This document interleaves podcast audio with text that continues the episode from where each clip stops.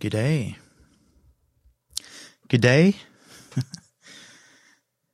Back in business. Nå ble jeg nysgjerrig. Arnesen skriver hørte nettopp på Tysvik og Tønne snakke om det i podden sin, Gunnar. Da er jeg veldig nysgjerrig på hva de hadde å si. Hva er det jeg ikke gjort som er galt nå? Det må du utdype, Arnesen.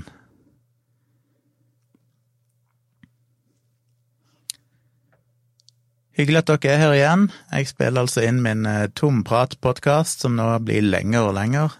Opprinnelig så De første nesten 120 episodene spilte jeg jo bare inn som ren podkast inne på min eh, Patrion, som dere ser her nede. Og da pleide de å vare i rundt en halvtime. Um, men etter jeg begynte å livestreame og jeg har fått så mange interessante spørsmål og sånn, så jeg blir revet med, så er det fort blitt en time. Og den USA-spesialen, den valgspesialen, varte vel i to timer. Det blir vel ikke en vane, men vi får se.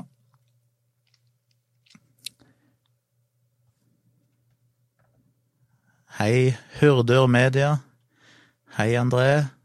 Håper du har det fint på jobb. Hei, Thomas. Hei, Andreas. Olav.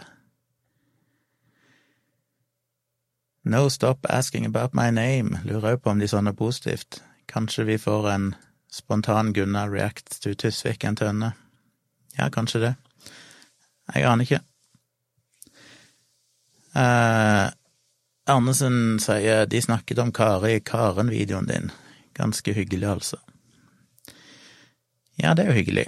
Må kanskje høre det. Jeg hører ikke på Tusvik og Tønne til vanlig, så jeg vet ikke hva de snakker om. Det er vel uh, gøy, det. Men uh, sist jeg ble nevnt i en uh, anstendig podkast, det var vel Radioresepsjonen som for et par år siden eller noe sånt Ja, kanskje tre år siden snart. Nei, jeg vet ikke. To og et halvt år siden eller noe sånt. Jeg innbiller meg det var på vinteren. Men da ble jeg nevnt, for da var det vel Facebook som hadde rullet ut en feature der du kunne mute folk i feeden din i 30 dager eller noe sånt. Så folk du var lei av å høre som ranta om et eller annet, så kunne du mute de uten å liksom avvenne de eller slutte å følge de. Så snakket de om det, og så spurte de vel han ene ja, noen du kunne tenke deg å mute, og da sa de ja, det er han der Gunnar Kjomli. han eh, posta litt mye av og til, og det var i den tida jeg var veldig aktiv på Facebook, som jeg ikke er nå. Nå poster jeg jo knapt en gang i uka eller noe sånt, tror jeg. Men i den tid så posta jeg mye. Og han sa jo han syntes det var bra det jeg posta, det var ikke det, men uh, av og til kunne det bli litt mye Tjomli i monitor. Og det var jo Det var jo gøy å bli nevnt i Radioresepsjonen. Hurdur Media kaller meg for Gunnar Rogan Tjomli. Ja, jeg trenger bare å gange seertallet mitt med ca. en million, så er jeg omtrent på samme nivå. Men det er jo ambisjonen, uten tvil. Jeg må si eh, Terje er oppmerksom. Bytte til annet objektiv på kameraet. Ja, det har jeg rett og slett. Eh, jeg pleide å ha en eh, Sigma 14 til 24 millimeter for å ha litt zoom, så jeg kan liksom justere litt, men det er F28, så det er litt mindre blurry bakgrunn. Men nå sitter jeg i sånn avstand at jeg merker det at 14 til 24, det har jeg stort sett på 24 for ellers blir det for hvitt. Så tenkte jeg la meg prøve med 35 millimeteren, som er F1.4, som altså gir mindre dybdeskarphet, det blir smalere område som er i fokus, og det som er bak, blir da enda mer blurry, eventuelt det som er foran. Så jeg tenkte å prøve med det. Eh, det går akkurat, ser jeg, tror jeg. Greit utsnitt, ser meg det vi trenger å se, trenger ikke se magen min. Det er kanskje like greit. Så ja, nå kjører vi en 35 millimeter, som jeg har brukt på noen videoer tidligere og sånn òg. Eh, et av mine favorittobjektiv, som jeg ser. Ikke brukte så mye til video, det er jo mest foto jeg bruker det til, men jeg tenkte jeg skulle teste det ut i kveld.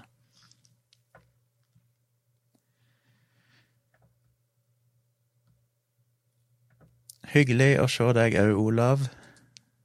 Det er veldig hyggelig at dere er her. Overrasker meg like mye hver gang at det er folk som ser på. Halla, sier Anomi, du valgte å gå live akkurat idet Trump skal uh, starte pressekonferansen sin, sier du det? Jeg tror ikke han har så mye interessant å si, skal jeg være helt ærlig. Det er vel en serie med løgner og konspirasjonsteorier som vanlig, og det tror jeg faktisk eh, vi klarer oss uten.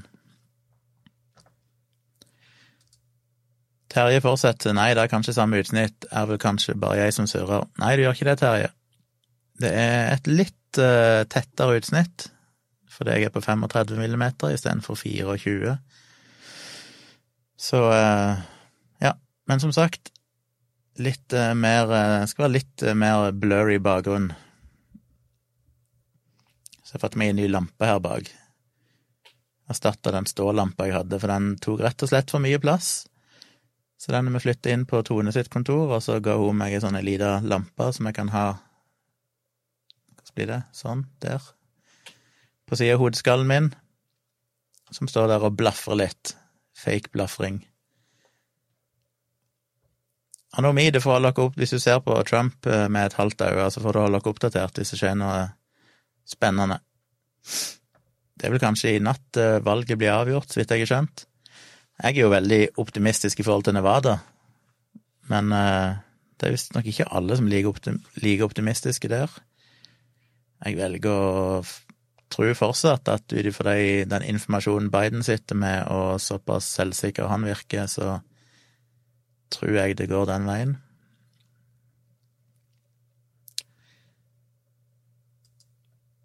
Anstendig og Tysvik og Tønne i samme setning. Ja, hvem var det som sa det? Nå må vi se.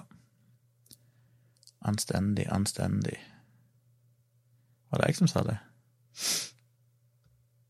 Eller var noen som skrev det? Ja, da datt jeg av. Sølvkråke skriver på Wikipedia-siden din sto det noe om at noen i internettets verste avkroker av antivax-miljøet ble dømt for ærekrenkelser mot deg. Kan du fortelle litt om det? Eh, ja, hvis jeg husker det.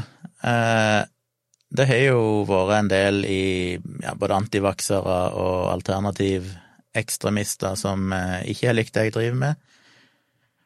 Og noen av de starta ja, Det er jo sikkert blitt skrevet tusenvis på tusenvis av kommentarer om meg, eh, deriblant en del som helt åpenbart er injurierende, i den grad det hadde funnes noe sånt lovverk lenger. Det gjør det ikke, så det er teknisk sett ikke ulovlig å skrive det. Men det ble jo oppretta blogger, eh, hele, hele blogger, som egentlig bare handla om meg, Eh, inklusive et par andre som hadde blogger, som skrev ganske mye dritt om meg. Som jeg syns er helt uh, greit, i den forstand at jeg syns det skal være lovlig, hvis de vil det, så lenge de ikke kommer med beskyldninger som helt klart uh, kan være skadelige. Og når de begynner å lefle med de klassiske tingene som det miljøet har gjort i hele verden, det samme til, tilstandene i USA og England og så er det ganske vanlig at antivaksinefolk har en tendens liksom finne hva er det styggeste vi kan anklage noen for. Jo, det er pedofili. Altså Biden òg blir vel anklaga for det nå av en del på den motsatte politiske spekteret. Så det var vel noen bloggposter som på en måte antyda at jeg hadde forherliga pedofili gjennom bloggen min, og at jeg var en pedofiliforkjemper, eller at jeg var pro pedofili, eller noe sånt. Fordi jeg har skrevet en del om eh, det temaet i bloggen min, og prøvd å analysere det litt ut fra forskning og, og sånn. Eh, og det blir jo selvfølgelig tolka i verste mening av de som ønsker det. Og jeg har ikke gått til noe søksmål, for det har ikke jeg orka. tenker jeg, fuck it. De får skrive det de vil, og jeg vet at hvis en begynner med sånn søksmål, så tror jeg det er en never-ending story fram og tilbake. Men det var noen andre som hadde blitt nevnt i samme bloggen, eh, som på en måte ble implisert. Og han gikk til et privat søksmål imot eh, han som hadde skrevet de bloggpostene, og vant det søksmålet. Eh, nå klarer jeg ikke å huske, var det én eller to ganger? Var det en annen òg som ble dømt? Ikke sikkert det hadde noe med meg å gjøre. I hvert fall eneste jeg husker som hadde med meg å gjøre, det var i en av de mest kjente vaksinemotstanderne i Norge som har blitt omtalt eh, på NRK sine nettsider som Norges verste mobber, eller Norges verste nettmobber.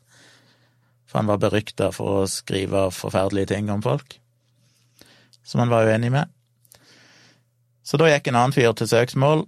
Eh, jeg var ikke deltakende i rettssaken i det hele tatt, men eh, bloggen min var jo på en måte tema, så der ble jo blant annet bloggpostene mine delvis gjennomgått, og andre som hadde skrevet om bloggpostene mine, ble gjennomgått. Og han ble dømt til å fjerne eh, enkelte bloggposter der ting var skrevet som ikke var greit, og fikk vel dagbøter fra en eller annen dato fram til han fjerna de. Han gjorde vel ikke det umiddelbart, så det ble vel noe penger til slutt han måtte betale, i tillegg til at han tapte saken da måtte betale for det, så måtte han vel også betale noen dagbøter helt fram til han fikk fingeren ut og faktisk fjerna det som sto der. Eh, ja. Så det har vært en del av de, sånne folk, som har blitt eh, saksøkt av andre enn meg, for jeg er ikke noen tilhenger av å gå til søksmål. Men eh, Så det står mye dritt fortsatt, det er jo mye som ikke er blitt fjerna. Men det er jo utrivelig at folk skal gå til de skrittene. Jeg mener, selv om jeg har skrevet ganske mange bloggposter der jeg har kritisert vaksinemotstandere eller påstander som enkelte alternativ kommer med, så har jeg jo aldri skrevet noe injurierende eller noe virkelig sånn grove personangrep på noe selvsvis. Jeg har jo prøvd å holde meg til fakta og, og diskutere påstandene. Så ja, det stemmer det. Jeg har, en, eh, jeg har skrevet om det i bloggen min, så hvis dere sjekker på tjomli.com og søker etter rettssak, pedofili eller et eller annet sånt, så finner dere sikkert bloggposter der det hendelsesforløpet er beskrevet. Med utdrag ifra, blogget, nei, ifra dommen. Det jeg syns var det gøyeste med hele den rettssaken og domsavgjørelsen, var vel at de her folkene som har kritisert meg Dommeren skrev vel at det jeg hadde skrevet om pedofili og så videre, var vesentlig mer nyansert enn det kritikerne mine hadde skrevet, da de på en måte skulle ta meg og korrigere meg. Så det var selvfølgelig et uh, slag i trynet for deg, regner jeg med.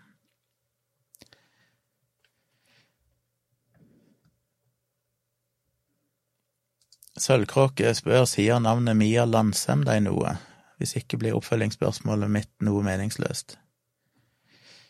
Eh, er det hun som driver med sånn internett eh, holdt på å si, å finne sånn internettdetektiv. Er det hun, det? Kan selvfølgelig google det i full fart, så finner jeg fort ut hvem det er.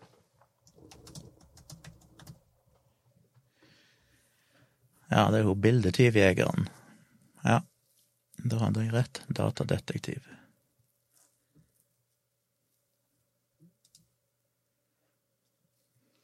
Ja, da er jeg spent på oppfølgingsspørsmålet.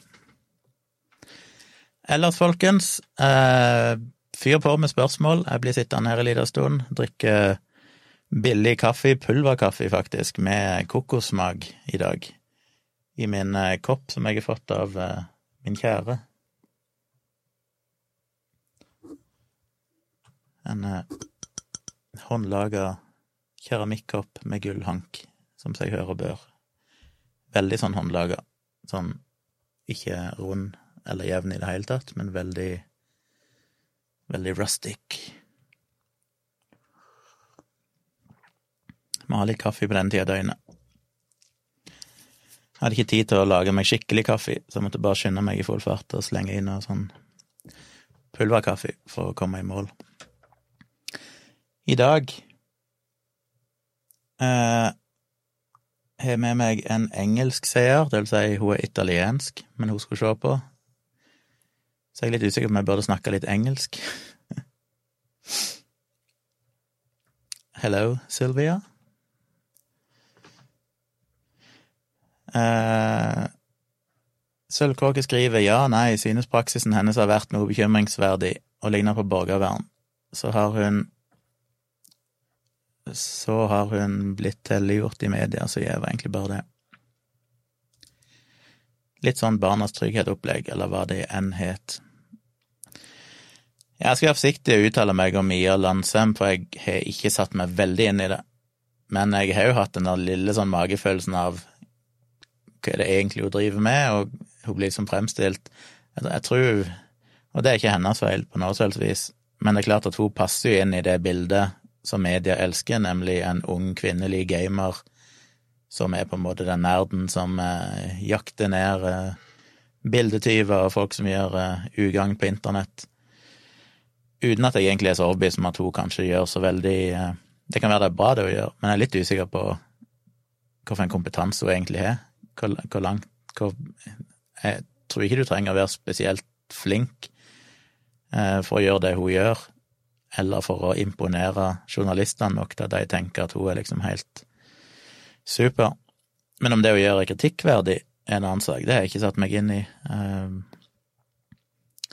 jeg syns jo det er jo selvfølgelig kult hvis hun kan ta folk eh, og få noen til å svi for å drive og dele bilder ulovlig, for det syns jeg er noe av det verste jeg kan tenke meg. Men eh, det kommer jo selvfølgelig an på måten hun gjør det på. Så lenge hun gjør det på en måte som er forsvarlig, og ikke handler om å henge ut folk, eller at hun bare på en måte gjør det samme i retur som de har gjort mot andre. Men det vet jeg ikke om hun gjør i det hele tatt, så jeg, jeg tør ikke si noe om det etiske rundt det hun gjør. Jeg syns det er kult at hun eh, syns de folkene fortjener å svi, i aller høyeste grad. Så hvis hun kan hjelpe med det, så er det kult. Men jeg blir alltid litt uh, irritert over at sånne folk, hvis du er kvinne og driver med data, så tror jeg terskelen er ganske lav for at du blir fremstilt som en, et geni, omtrent. Jeg er litt spent på hva teknisk dyktig hun faktisk er. Det kan godt være hun er det. Men det skal ikke så veldig mye til som regel for å drive med den type ting hun gjør.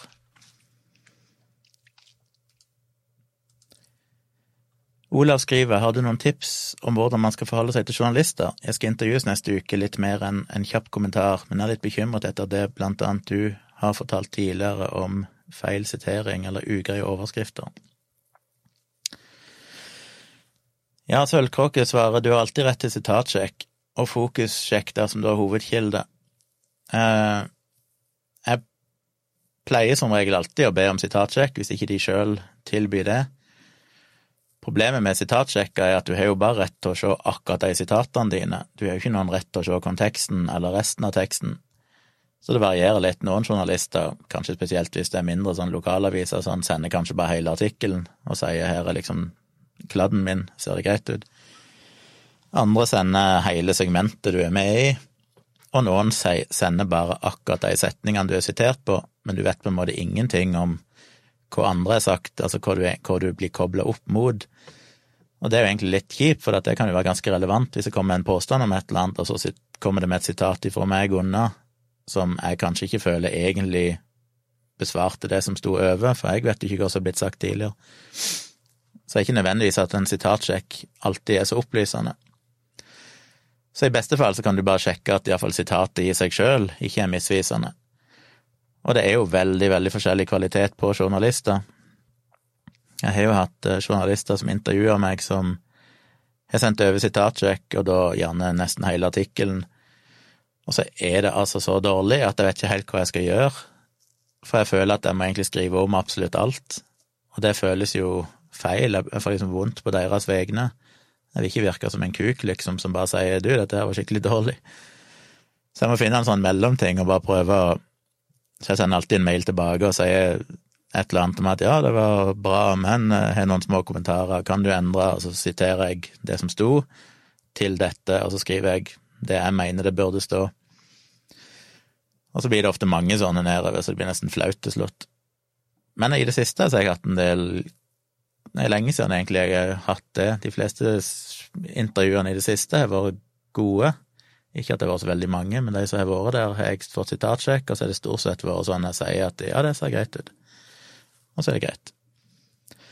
Det kjipeste med intervjuene nå til dags er jo det at uh, nesten alle intervjuene jeg, jeg, har hatt, har jo endt opp bak betalingsmur, uh, så det er jo egentlig ingen som får se det.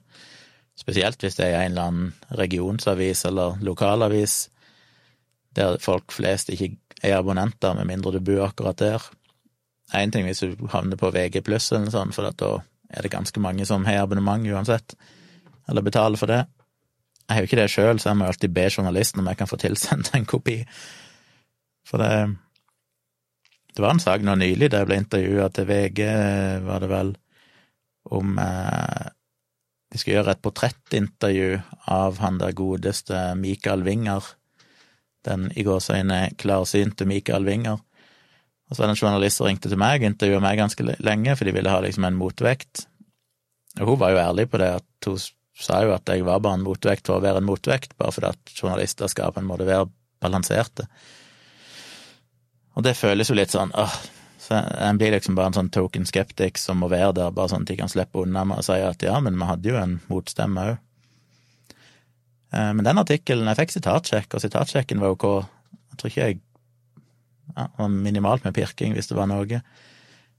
Men eh, den, det endelige resultatet fikk jeg aldri se, for det lå bak betalingsmur, og jeg vet ikke om han noen gang er kommet på trykk, men jeg så Christian Gundersen faktisk henvise til en artikkel her for en måneds tid siden om Michael Winger, og så svarte jeg han på Twitter og sa hei, jeg tror kanskje jeg er nevnt i den artikkelen, gidder du sende over en PDF? Men så hørte jeg aldri noe mer fra noen, så hvis noen har lest en artikkel i VG de siste par månedene om Michael Winger der jeg er sitert, så har dere VG pluss, så send meg gjerne en PDF eller et eller annet sånt, for jeg har ikke sett den. Jeg kan jo selvfølgelig maile journalisten og spørre, men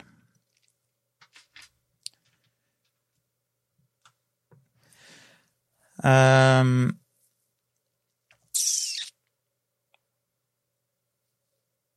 Arnesen skriver skriftlig intervju Ja, jeg svarte vel egentlig ikke på spørsmålet. Gode tips, men jeg kan først ta Arnesen skriftlig intervju er ikke farlig, i hvert fall. Jeg har ofte fått skrive nesten hele intervjuet selv. Ja, det er akkurat det. Av og til skulle en egentlig ønske det, og av og til har jeg òg nesten gjort det, fordi jeg har skrevet om hver eneste ting de har sitert meg på. Jeg måtte omformulere for at de liksom skal få fram det som egentlig var poenget mitt. Og ettersom en del journalister får det til veldig bra, så tror jeg ikke det er jeg som er altfor utydelig, jeg tror det er bare ikke alle journalister som er helt med. Um, men jeg har jo hatt en del intervjuer der de ringer meg, og så sier de rett ut sånn Kan ikke du si noe sånn som at Og så legger de på en måte ord i munnen min, for de vet jo på en måte hva de trenger til artikkelen. De trenger noen som kan si sånn og sånn og sånn, og så forteller de meg basically hva jeg skal si. Uh, og det er jo ikke så kult. Så det beste tipset er jo å være som det med alle intervjuer, det er jo å prøve å være tydelig og ha noen sånn soundbites, og det er jo jeg veldig dårlig på. Jeg er jo den som blir sittende i en time og filosofere rundt ting, og avslutter nesten alle intervjuene med å si altså jeg syns synd på deg, men jeg håper du klarer å få et eller annet fornuftig ut av det. Og gode journalister klarer det. De klarer liksom av og til å lese etterpå og si sånn oi, shit, de har virkelig klart å koke ned essensen i det jeg sa, liksom til noen sånne gode sitater. Andre klarer ikke det. Så ja, det var det Arnesen mente, ja, skriftlig intervju er ikke farlig. Nei, jeg liker jo skriftlig intervjuer veldig godt, når de sender spørsmålene på mail, og så kan jeg sitte og svare, men det er jo egentlig en som skriver altfor langt. Så jeg skriver jo alltid det i slutten, at jeg vet at dette er for langt, men du får prøve å, å koke det ned til essensen. Men jeg syns jo alltid det er vanskelig å være for unyansert. Jeg vil liksom få med nyansene i ting, og da blir det jo ofte veldig omfattende. Som jo peker til det der eh, som jeg snakker om, eh, som Folkeopplysningen hadde i den episoden, siste episoden i høst, eh, om eksperter, og som jeg òg har et kapittel om i Håndbok i krisemaksimering, som handler om eksperter, eller falske eksperter. Dette er med at media liker jo best de som er veldig bastante og korte og konkrete, men som statistisk sett oftest tar feil. Men det er ikke så farlig, så lenge de er liksom spissa og tydelige de som er mer nyanserte og nøkterne, har jo ofte rett, men de er ikke så lette for journalister å bruke, fordi det krever litt for mye spalteplass å få fram alle nyansene som jeg helst ønsker. Det er derfor jeg liker å skrive blogg og drive med podkast, for da kan jeg bruke god tid på å få fram alle poengene.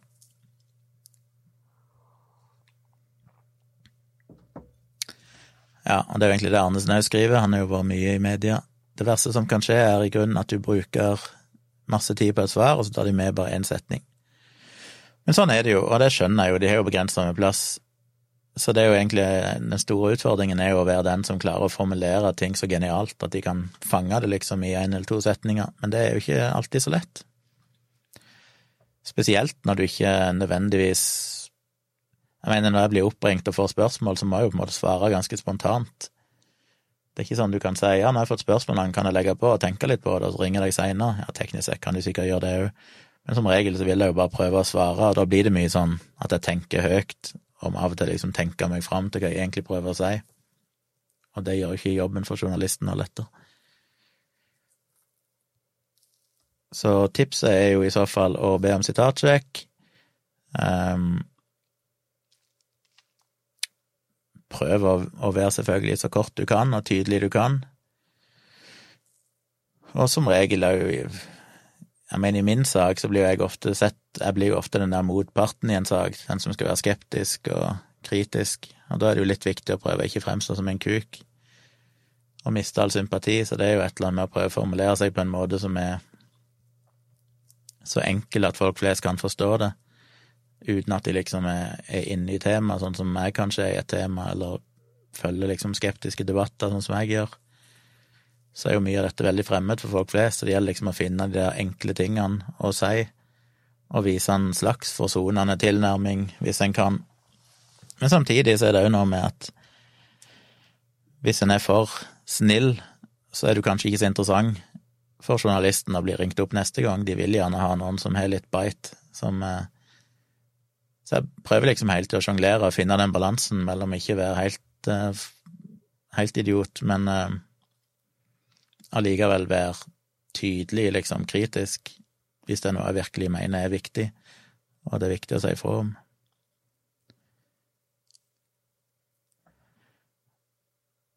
Anomi Nei, skal vi se. Ja, når det gjelder sølvkråkeskrivet, en annen ting som er litt småskummelt, er at større aviser og mediehus har ofte vaktsjefer som kan korte ned og tukle med sitater etter sitatsjekk er blitt gjennomført. Ja, det hadde jeg ikke tenkt på, det er kanskje mulig. Men i den sammenheng så spurte jo Olav òg om titler, og titler er jo ingen som har kontroll på, ikke engang journalisten ofte. Det er det jo gjerne noen som sitter og desker sakene på nett og, og papir, som finner titler, som ofte ikke nødvendigvis er akkurat det en sjøl kan stå inne for. Hvis det er for drøyt, så går det jo selvfølgelig an å, å maile journalisten og bare si hei, du, dette her syns jeg ikke er greit, og så Jeg mener jeg har gjort det en gang, og sagt at jeg følte tittelen ble veldig ble veldig feil i forhold til det budskapet mitt var. Han ble veldig clickbaity og fremstilte saken feil. En, jeg husker ikke helt konkret hva det var, men det er en følelse jeg har klagd på det en gang. Men, eh, men ja, det er ofte ikke journalisten sin feil, eller de er ikke nødvendigvis myndighet over hva som ender opp som tittel til slutt, så det er litt utenfor alles kontroll. Men Anomi siterer for Trump, bla, bla, bla, demokratene blir sponsa av storfiskene, big tech osv., osv., republikanerne har blitt arbeidernes parti, vi vinner. Det var oppsummering av Trump så langt. Han prøver så tvil om opptellinga fordi de på mirakuløs vis finner masse stemmer til demokratene i innspurten når de trenger dem. Ja, det er sikkert et overbevisende argument for folk som ikke har fulgt med og fått med seg at allerede lenge før valget så var jo alle veldig klar over at de siste poststemmene og sånn i stor grad kom til å være demokratstemmer. Så det er jo akkurat som forventa. Thomas skriver jeg prøvde Dagbladet pluss ukestilbud en gang, og de sendte meldinger og ringte meg flere måneder etterpå for å få meg tilbake. Frister ikke til gjentakelse. Nei, og det tror jeg Ja, jeg vil jo anta de her analyser som kanskje viser at de vinner på det.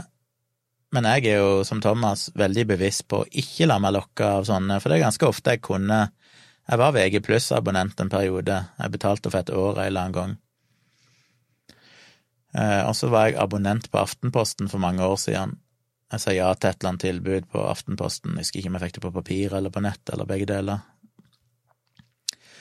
Men når det da gikk ut, så ga de seg aldri, og Aftenposten er de verste jeg har vært borti noensinne når det gjelder selgere. Til slutt så måtte jeg rett og slett bli aggressiv og si at nå slutter dere å ringe, eller så ringer jeg, anmelder dere til politiet for trakassering og et eller annet sånt, altså.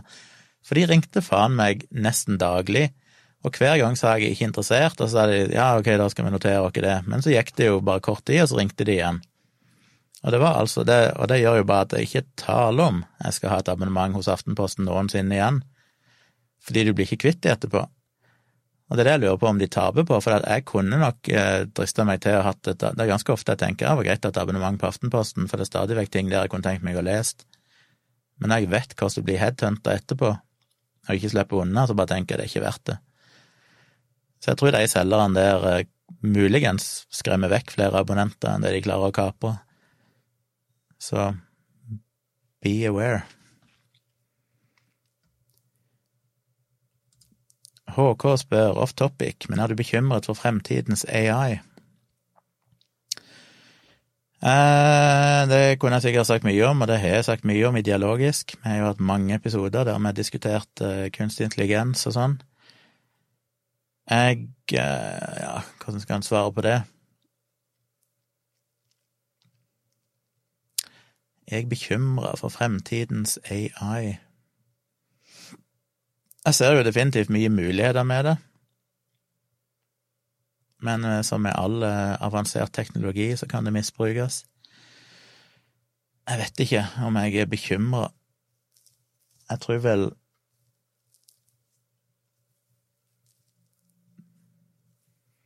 Jeg hadde vært mindre bekymra hvis det fantes mer statlig regulering. Det er mye av det vi snakket om i den episoden tilbake i mars eller noe sånt, så hadde vi en episode av Dialogisk der vi intervjua Tonje Hessen Skei, som lagde filmen I Human, som kom på strømmekanaler og sånn i, eh, i vår. Som er en interessant dokumentar som er verdt å se. Eh, inneholdt ikke så mye nytt for de som følger med på dette temaet, men det er jo en fin oppvekker for folk som kanskje ikke følger det så nøye. Den har jo fått kritikk, for noen mener kanskje han var for pessimistisk og for for mye fokus på de negative sidene. Men et av de viktige poengene hennes er jo at problemet er jo at det sitter en, en håndfull teknologigiganter og egentlig styrer med dette her helt uten kontroll. Og det er jo den største skremselen. Det er jo ikke nødvendigvis AI i seg sjøl, men det er vel mer at det er såpass uregulert. Jeg mener det, det, meste andre i samfunnet som er avansert teknologi, er som regel regulert på et eller annet vis, for det går såpass treigt, og det blir utvikla på helt andre måter, og folk kan ofte forstå seg på det. Men AI er så på en måte så uforståelig for de aller fleste, ikke minst politikere. Og det har kommet relativt fort, og det har skjedd relativt skjult hos noen få teknologigiganter. Så det er det som er det skumle med det, at det kan misbrukes så til de grader. Og det misbrukes ikke fordi det er så jævla smart, det er jo mer, blir mer misbrukt bare fordi det er liksom big data. Det er en, en, en evne til å, å, systematisere veldig mye informasjon på kort tid, som kan brukes på forskjellige måter, i den grad du kaller det for AI. Men jeg er jo teknologioptimist som regel, så jeg har jo egentlig store forhåpninger til at AI kan løse problemer som vi mennesker ikke klarer, fordi det kan være for, for omfattende statistiske mengder og sånn, til at vi klarer å se liksom det klare bildet. Jeg har jo òg en idé om at vi mennesker er jo ikke i stand til å styre oss sjøl på best mulig måte. Eh, demokratiet legger på en måte et hinder for at vi skal kunne gjøre ting på best mulig måte. Problemet er jo bare at alternativene er verre. Men for eksempel klimaproblemet burde jo vært løst for 20-30 år siden, for det vi visste jo hvor det bar hen. Men demokratiet legger jo ikke til rette for noen som ønsker å innskrenke frihet og muligheter og levestandard eh, for å sikre seg de neste fire årene i regjering. Demokratiet er jo bygd på um, Eller parlamentarismen er jo bygd på en, en strategi som som vanskelig kan løse langsiktige problemer eh, tidlig. De kan løse det til slutt, når det er gått så langt at de fleste politiske partiene er enige.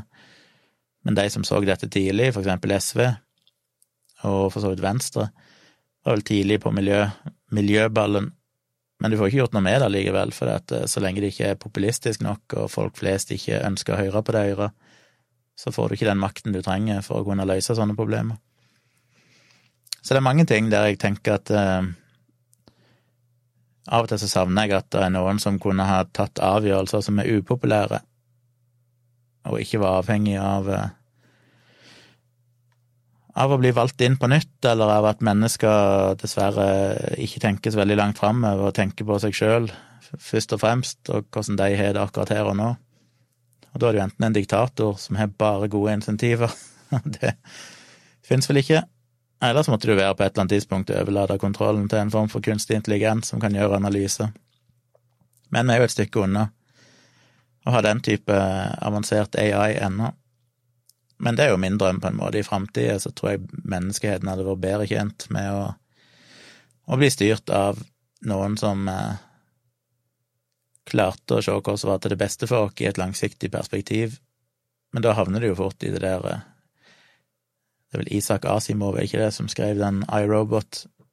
Hvis den AI-en finner ut at menneskene egentlig bør eh, tynnes ut litt eller elimineres for sitt eget beste, så er jo det litt uheldig.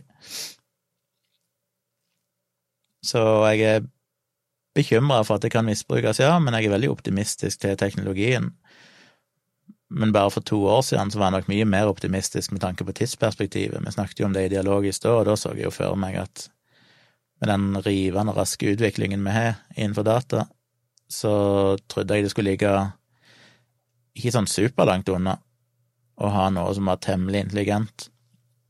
Eh, da snakket jeg vel om sånn 30 til 50 års perspektiv maks før vi hadde noe som var liksom For når du tenker 50 år tilbake igjen, hva hadde vi data da? Basically ingenting. Og fram til nå, det enorme spranget som har gått. Og når veksten sannsynligvis går raskere og raskere, så kan du tenke deg 50 år fram i tid, så burde vi ha ganske heavy shit. Men de som forstår seg på dette, blant annet folk i Google og sånn som jobber med dette, de sier vel at det, det kan fortsatt være snakk om hundrevis av år før vi kan snakke om noe som har en, i beste fall, hvis det noen gang skjer, en generell kunstig intelligens. Vi har jo litt spesifikk kunstig intelligens, altså kunstig intelligens som kan gjøre én spesifisert oppgave bedre enn mennesker, for eksempel spille sjakk. Der eh, slår jo datamaskinene alle mennesker på jorda nå, uten problemer. Men det er stor forskjell på det og en generell kunstig intelligens.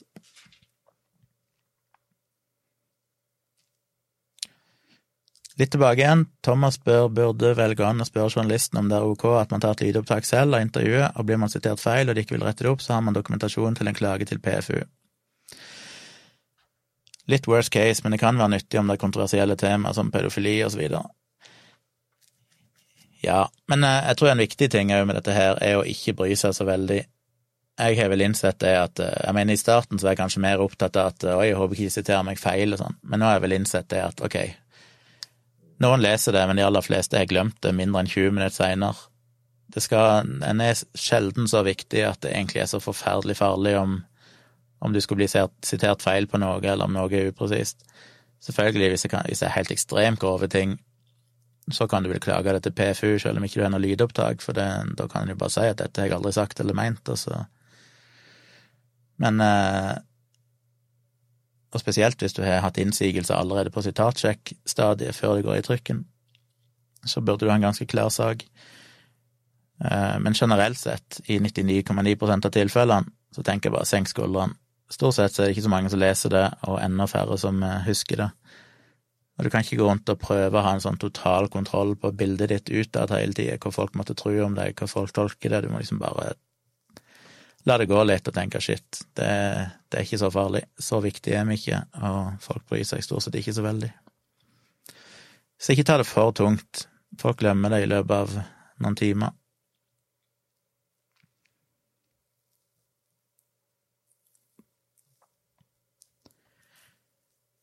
Eh, Anomi dropper jo pressekonferansen, prater bare piss, men mer interessant å henge med her. Ja, det var det jeg sa. Jeg er klarsynt. André skriver hadde en del intervjuer i musikksammenheng. Det var typ aldri rett sitat eller rett person bak sitatene. Dette er jo betydningsløst innen musikk, men er de like dårlige ellers, ikke rart det blir bråk. Nei, men stort sett så syns jeg journalister er flinke, men du merker jo ofte forskjell på når det er noen som Du merker forskjell på de som har litt erfaring, og de som er relativt nye. Eh, for det er ganske mange ja, hva var det? Det var et uh, intervju som ble gjort av meg her for ikke så himla lenge siden. Der intervjuet Altså, saken som ble skrevet, var omtrent som en sånn sak vi kunne ha skrevet i åttende klasse i skoleavisen.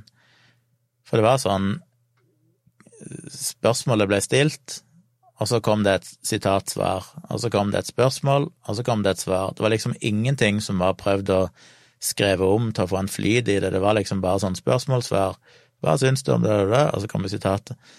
Og det blir litt sånn ungdomsskolejournalistikk, som er litt flaut.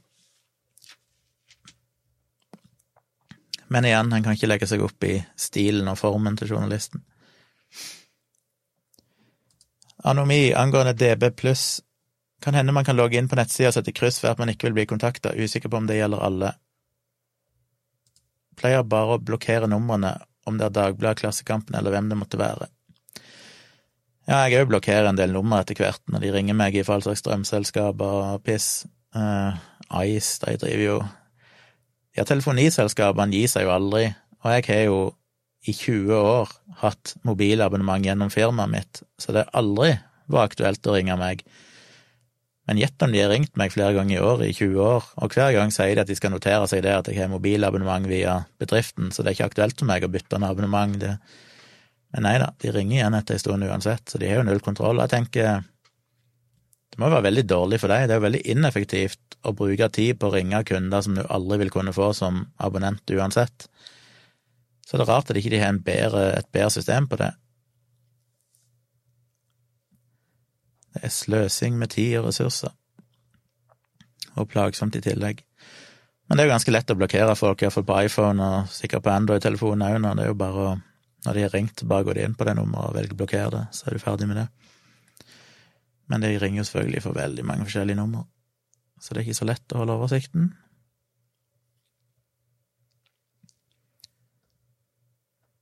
Olav skriver, mulig du har snakket om dette tidligere, men har du noen tanker om fremtiden for podkastmedia? I dag er det vel få som tjener penger, og det er en jungel som er vanskelig å orientere seg i. Ja, jeg vet ikke hva jeg snakket om tidligere angående det. Men uh, jeg syns jo Det jeg syns er kjipt med podkastverdenen i dag, er jo på en måte kommersialiseringa av det. Ikke at det skal være mulig å tjene penger på det, for vi har jo annonsører i ny og ne i eh, Dialogisk, uh, og da får vi noen kroner for det. Det er jo ikke noe vi kan leve av eller noe sånt, men det blir en liten ekstrainntekt i ny og ne veldig uforutsigbart, det er jo ikke noe fast, men av og til så kommer det annonsører som vil betale litt. Og det setter jeg pris på, og det er viktig, for det er klart det tar mye tid. Det koster mye ressurser og, og tid, og, og, det er alltid greit å få betalt for det. Men jeg syns det er jævlig synd at uh, det som i mange år Jeg mener, jeg starta min første podkast i 2010, uh, eh, som da var Saltklypa, sammen med en gjeng skeptikere. Og siden den gang så har jeg stort sett hatt en podkast i en eller annen sammenheng. Og Eller, det er ikke helt sant. Det var noen år jeg ikke hadde. Jeg hadde Saltklypa en periode, og så hadde jeg min egen Saksynt-podkast en periode. Og så gikk det vel noen år der jeg ikke egentlig var aktiv på podkastfronten, men så startet vi opp dialogisk, og så har jeg begynt med min Patron-podkast. Så jeg syns det er hyggelig at vi som driver med podkast på private initiativ, skal kunne få annonsører og tjene noen kroner på det. Men det jeg syns er ødeleggende Eller vanskelig å si ødeleggende, for det er sikkert bra for lytteren. Men jeg syns det er kjipt at alle de store mediehusene nå kaster seg over podkastformatet. For det er litt sånn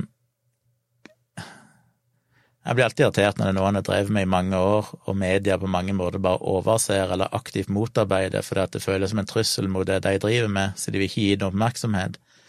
Helt til de plutselig finner ut at de sjøl kanskje kan tjene noen penger på det, og så på en måte spiser de opp hele kaka. For hvis du ser på topplistene for podkaster nå, så er det jo de aller fleste podkastene vel på topplistene som ligger langt oppe, er jo podkaster som er produsert av mediehusene sjøl. Og det er jo egentlig umulig å konkurrere mot det, for de har jo så enormt med ressurser til å markedsføre og promotere og bruke penger på å få gjester og informasjon og det er liksom Det føles som litt rått parti når vi som sitter og gjør dette litt mer på amatørnivå, skal konkurrere imot det. Så jeg føler på en måte mediehusene er kommet og i veldig stor grad skviser ut den der litt sånn Nå romantiserer jeg kanskje, litt sånn nostalgisk, men alle oss som dreiv med podkast i den tid det ikke var kult å drive med podkast, og, eh, og gjorde det på litt privat initiativ, det syns jeg er kjipt, for det er nesten umulig å hevde seg nå. Og spesielt når du har NRK og alle sånne her som bare lager radio, og så bare gir det ut som podkast etterpå, og så er det sånn Ja, hvordan kan en konkurrere imot det, liksom? Så de spiser jo veldig mye av den annonsepengekaka som, eh, som ellers kunne gått til folk som driver med podkast og har drevet med det lenge. Men det er klart, det virker jo, virker jo begge veier. Jeg vil jo anta at nettopp fordi mediehusene er kommet inn og satser på podkast, har nok de òg gjort at de som har annonsepenger, er mer villige til å bruke dem på podkast enn de ville vært ellers. Så det er jo ikke bare den ene veien. Men eh, ja, jeg syns det er vanskelig. Det er få som tjener penger på podkast. Jeg vet ikke hvor mange podkaster som fins. Jeg husker jeg så et tall på det en gang i Norge, det er ganske mange. Og jeg vil tro at eh, det er sikkert mindre enn en prosent eller sånn av podkaster i Norge som folk egentlig hører på. Jeg vil tippe sikkert 99 eller sånn av podkaster har en håndfull lyttere. Så det er ganske få som her liksom kan snakke om nok lyttere til at det er noen som gidder å bruke annonsepenger på dem. Vi er jo på mange måter heldige med dialogisk, fordi vi kom inn i dette moderne media-konseptet tidlig. Eh, og de hjelper oss jo med liksom De har jo egne folk som prøver å hente inn annonsører og sånn, som er litt i sånn midtsjiktet. Vi er ikke del av noe mediehus, men vi er heller ikke helt standalone. For hadde vi vært helt standalone, så hadde vi jo ikke fått en eneste annonsør. Det er jo verken meg eller Dag hadde jo gidda og drevet og brukt tid på å prøve å, hente inn annonsører, og det var jo ikke noe plan når vi starta, egentlig, at vi skulle tjene noe penger på det. Men det jo blitt eh, noen annonsører etter hvert, og det er jo hyggelig.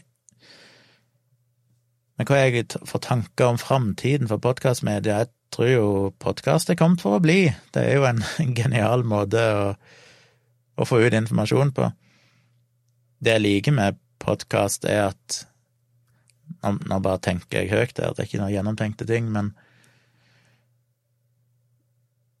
Men hvis en tenker på bloggformatet, så har jo det vært Det ble jo ofte sett på som en sånn demokratisering av informasjon det var ikke lenger media som satt og styrte all informasjon som gikk ut til folk. Alle kunne starte sin egen blogg og distribuere sine meninger teoretisk sett til et globalt publikum. Som jo er sant. Problemet med det er jo alltid at uh, baksida av den medaljen er jo at det er fryktelig mange idioter da, som sprer ren feilinformasjon og ting som ofte er farlig, og konspirasjonsteorier og sånn. Så en må jo diskutere alltid hvor, hvor nyttig det er en gjør det mulig for folk å spre mye god informasjon, men det kommer fryktelig mye støy. En kunne jo tenke seg at det var litt av det samme med podkast.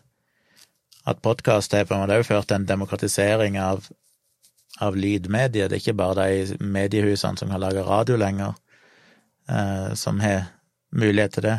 Nå kan alle drive sin egen radiokanal, eller TV-kanal, holdt jeg på å si, på YouTube. Og YouTube er nok litt farligere på grunn av algoritmene og måten det er styrt på, at der kan du få tilgang til fryktelig mye som du egentlig ikke er bedt om å se, som vi har diskutert mange ganger. Podkast derimot er jo mye mer, et mye mer lukka system. Der må du mye mer aktivt oppsøke den informasjonen du ønsker. Hvis noen vil høre på dialogisk, så er det som regel fordi noen har fått det anbefalt, eller fordi de kjenner meg eller Dag fra før og vet hva vi står for og ønsker å høre mer av det vi har å si. Det er ikke noe du bare får opp i feeden din. Så podkast føles som mindre farlig. Det er demokratiserende i den forstand at alle kan lage en podkast. Alle har muligheten til å skape sitt eget radioprogram og spre informasjon og tanker og meninger. Men det føles mindre farlig, for det er ikke noe hvis, hvis ti idioter lager antivaksinepodkaster, så skal du være spesielt interessert i antivaksinetankegang for å oppsøke dem. På YouTube derimot så kan du risikere å få opp alt mulig slags ræl, bare fordi YouTube-algoritmene av en eller annen grunn anbefaler deg for deg. Og har du først sett én video, så vil de bare pøse på med mer av det samme. Så YouTube er definitivt farligere på den måten. Det er litt det samme problemet som med blogger, at eh, det blir misbrukt og sprer veldig mye feilinformasjon.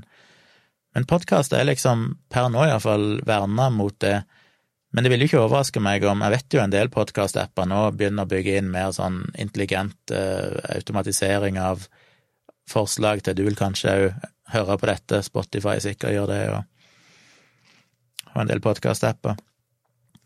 Men det krever fortsatt at du aktivt går inn og hører på det, og det skal ganske mye til for at du gjør, hvis ikke du er veldig interessert i et tema.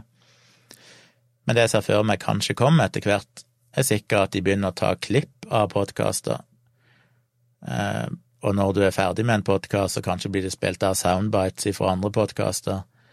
At du på den måten vil bli litt sånn YouTube-algoritmeaktig, at du vil plutselig bli fora med ting som du kanskje ikke er bedt om. Og da kommer det an på hvor gode de algoritmene er til å gi deg bra forslag, og ikke plutselig gi deg et eller annet crazy uh, greie. Det kan gå den veien, men ikke der ennå. Så foreløpig så liker jeg podkast fordi det er du taler veldig mye til et publikum som ofte vet hvorfor de hører på deg. De hører på deg fordi de vet at du er en person de ønsker å høre på, ikke fordi det bare har dukka opp ifra det blå, og så tenker de ja, ja.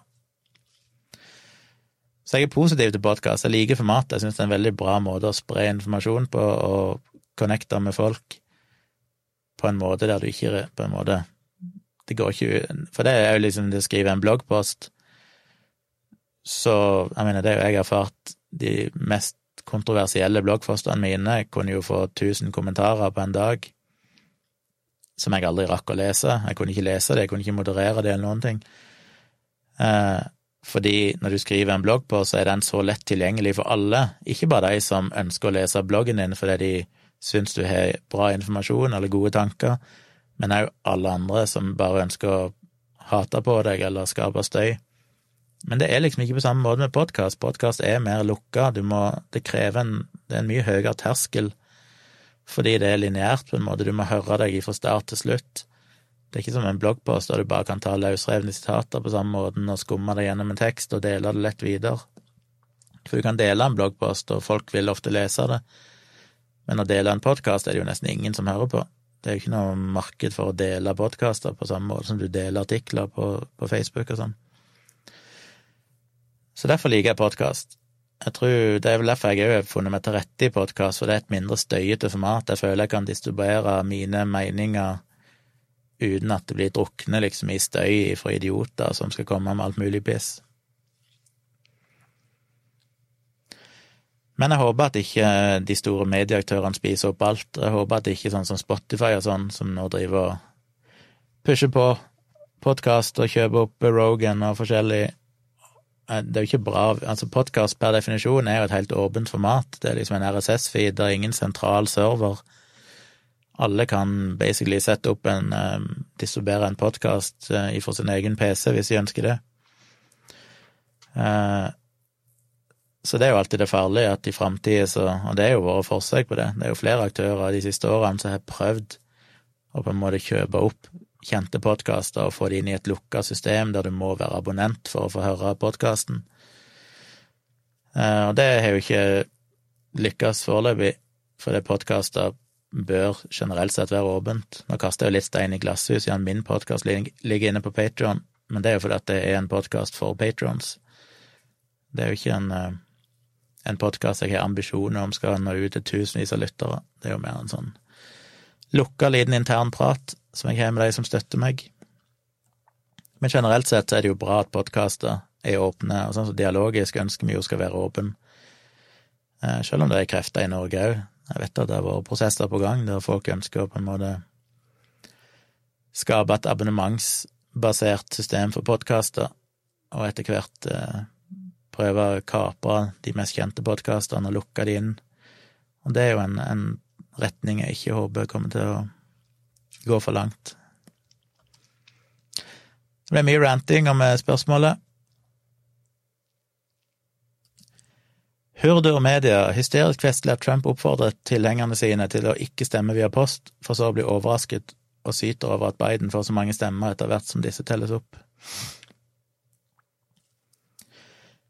Ja, det er mye, mye selvmotsigende med Trump. Det er jo sånn I stater der han ser ut til å lede, så er de veldig opptatt av at jeg skal telle alle stemmene og sånn. I stater der han ser ut til å gjøre det dårlig, så vil han jo avbryte tellinga, og det er jo tydeligvis at han vil bare tilpasse det på en måte som gjør at han har størst muligheter for å vinne.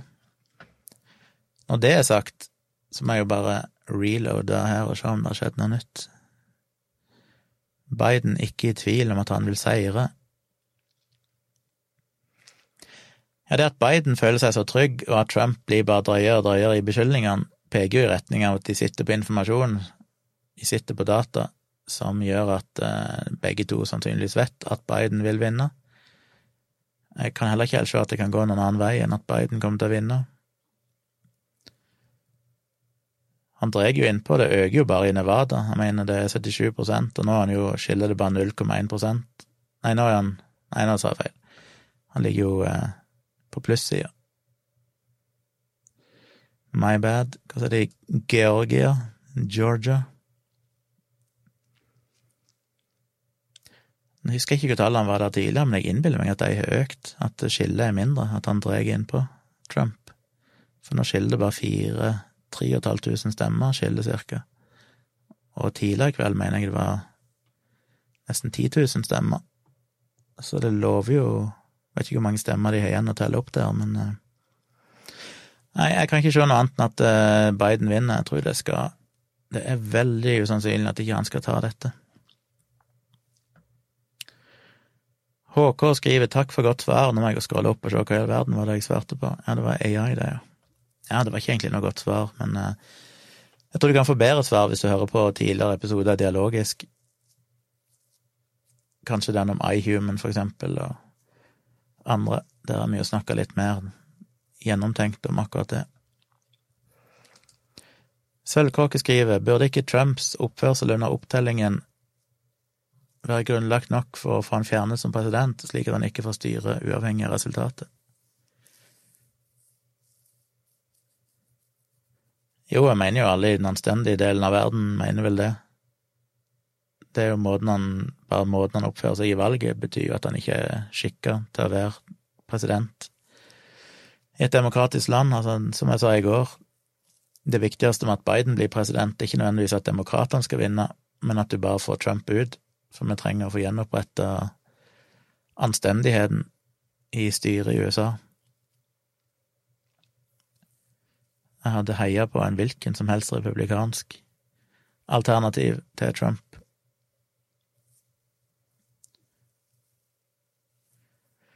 André skriver Binders-teorien. Hva er det det henviser til? Kanskje han svarer på det lenger nede. Sølvkråke spør hva syns du om Ben Shapiro? Ja, det har vi vel snakka en del om i Dialogisk tidligere. Men uh, jeg følger ikke spesielt med på han. Det lille jeg har sett av han, er ikke spesielt imponerende. Han virker rett og slett ikke særlig oppegående. Som kanskje er kontroversielt, og jeg vil tippe at mange av de som følger han, tenker at han er en skikkelig smarting. Men jeg har hørt han si så mange dumme ting at det er helt sjokkerende. Og han er så like, lite konsekvent i det han sier. Det eneste bra jeg har sett han gjør, er vel at han òg har kritisert Trump for måten han oppfører seg på i valget, som er bra.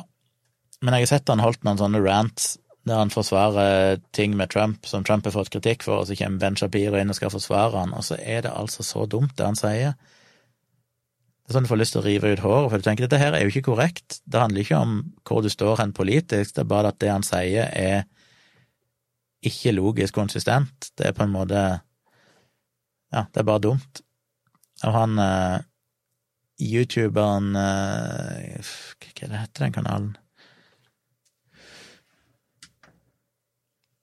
Ja, dumt å si det når jeg ikke husker det, jeg snakker om det. Det er en eller annen youtuber som lager sånn, sånn satire på et nyhetsprogram, som har iallfall et par, minst, episoder som bare er dedikert til Ben Shapiro, der han så tydelig viser der han liksom tar for seg all idiotien til Ben Shapiro på en glitrende måte, som bare plukker ifra hverandre og viser hvor, hvor inkonsistent han er, hva som sier imot seg sjøl i intervju til intervju, og bare hopper fra den ene meningen til den andre. Nei, det korte svaret er at jeg ikke er veldig imponert over Ben Shapiro. Det er mange, holdt på å si, som er på hans side, sånn rent politisk, og står for mye av de samme tingene, som er vesentlig mer oppegående og interessante.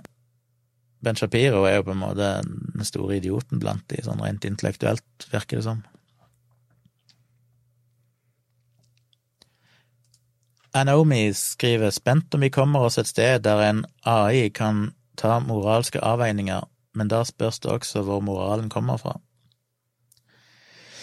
Ja, det er jo det store aberet, for eh, det er jo til syvende og sist mennesker som programmerer moralen. Det blir jo litt som iRobot, det er liksom sånn Om vi klarer å koke det ned til noen prinsipper, som da AI, kunstig intelligens, må konstruere sin egen moral ut ifra, som alltid på en måte ivaretar noen få grunn, grunnprinsipper.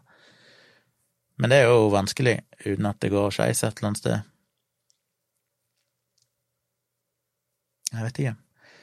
Jeg er litt usikker på hva som kommer først, som jeg òg snakker om ideologisk, om vi klarer å få til en generell kunstig intelligens først, eller om vi klarer å simulere hjernen først.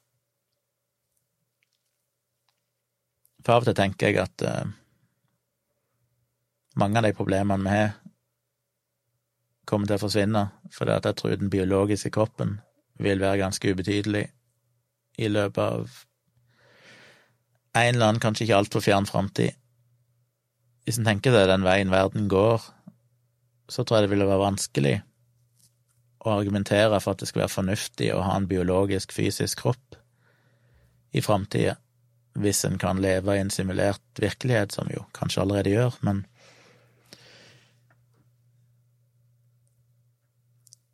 Sølv, nei, Arnesen skriver til Sølvkråke Trumps oppførsel alle de siste fire årene burde jo fått han fjernet for lenge siden. Det kommer ikke til å skje.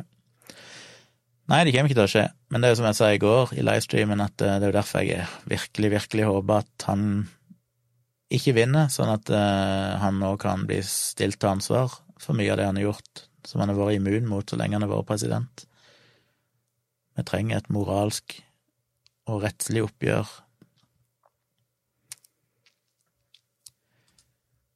Anomi skriver hadde sett dårlig ut for menneskeheten hvis en AI skulle funnet letteste vei å stanse menneskeskapte klimaendringer. Ja, det var litt det jeg sa tidligere med iRobot. Men da kommer du til de der tre grunnprinsippene til Isak Asimov, vel, der liksom en av de at du skal ikke skade mennesker. Eh, men der er jo det jo nyanser. Det er liksom En AI ville vel kanskje vært vesentlig mer kynisk med tanke på å ta liv fordi det ville være til alles beste, med mindre du da programmerer inn som et prinsipp at liv er hellig. Og så er jo spørsmålet er det det, og hvis livet er hellig, hvordan hadde du stoppa en andre verdenskrig, for eksempel? Jeg vet ikke. Det er sånne ting. Det er komplisert for mennesker, og det er ikke nødvendigvis noe lettere for en AI.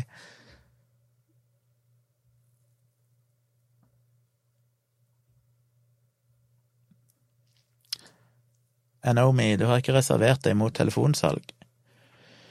Eh, jo, men eh, det er jo privatnummeret mitt, holdt jeg på å si. Jeg har ikke noe privatnummer, jeg har egentlig bare et jobbnummer, som er både jobb og privat, og jeg kan vel ikke reservere meg mot det når det er jobb, så vidt jeg vet. Jeg hadde jo lenge et skjult nummer, ikke skjult i den forstand at det var liksom, jeg betalte ikke hva det skulle være hemmelig, men jeg bare sørga for at jeg ble delista i alle kataloger. Men så bytta vi leverandør, eller operatør, fra Telenor til Telia, eller motsatt, for en stund siden, i jobben for mange år siden. Og idet det switcha over, så hadde de ikke aktivert det vi hadde bedt om, om at det ikke skulle være noen katalogoppføringer. Så i en liten periode så lå vi ute i kataloger, og da er det jo for seint, for da kan du fjerne deg fra gule sider og enkelte andre, men det er jo så mange som da plukker deg opp, så plutselig så er du bare overalt, og det praktisk alt umulig å få fjerna nummeret sitt igjen etterpå. For jeg likte det sånn at ikke folk kunne søke opp nummeret mitt.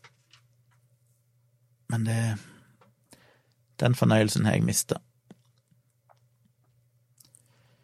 Hurdur Media skriver Captures er menneskehetens beste håp for overlevelse etter at singularitet har blitt realitet.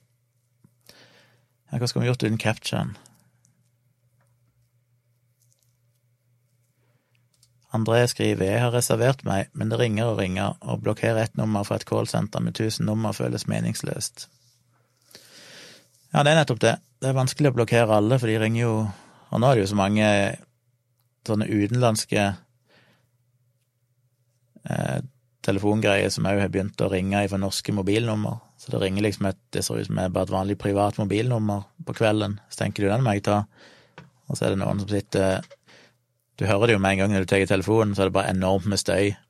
og prating i bakgrunnen, og så sier de 'hello, is it Tjomli'? Da har jeg en, i mange, mange år, når jeg drev firma, starta firmaet mitt tidlig på 2000-tallet og sånn, så var jeg ganske tålmodig og liksom følte jeg måtte snakke og, og, være hyggelig. Men det var noen av de som ringte så mange ganger at til slutt så begynte jeg med det trikset at jeg bare la ned telefonen og bare lot de prate mens jeg jobba videre. Og så sjekka jeg telefonen etter ei stund, og så var de vekke.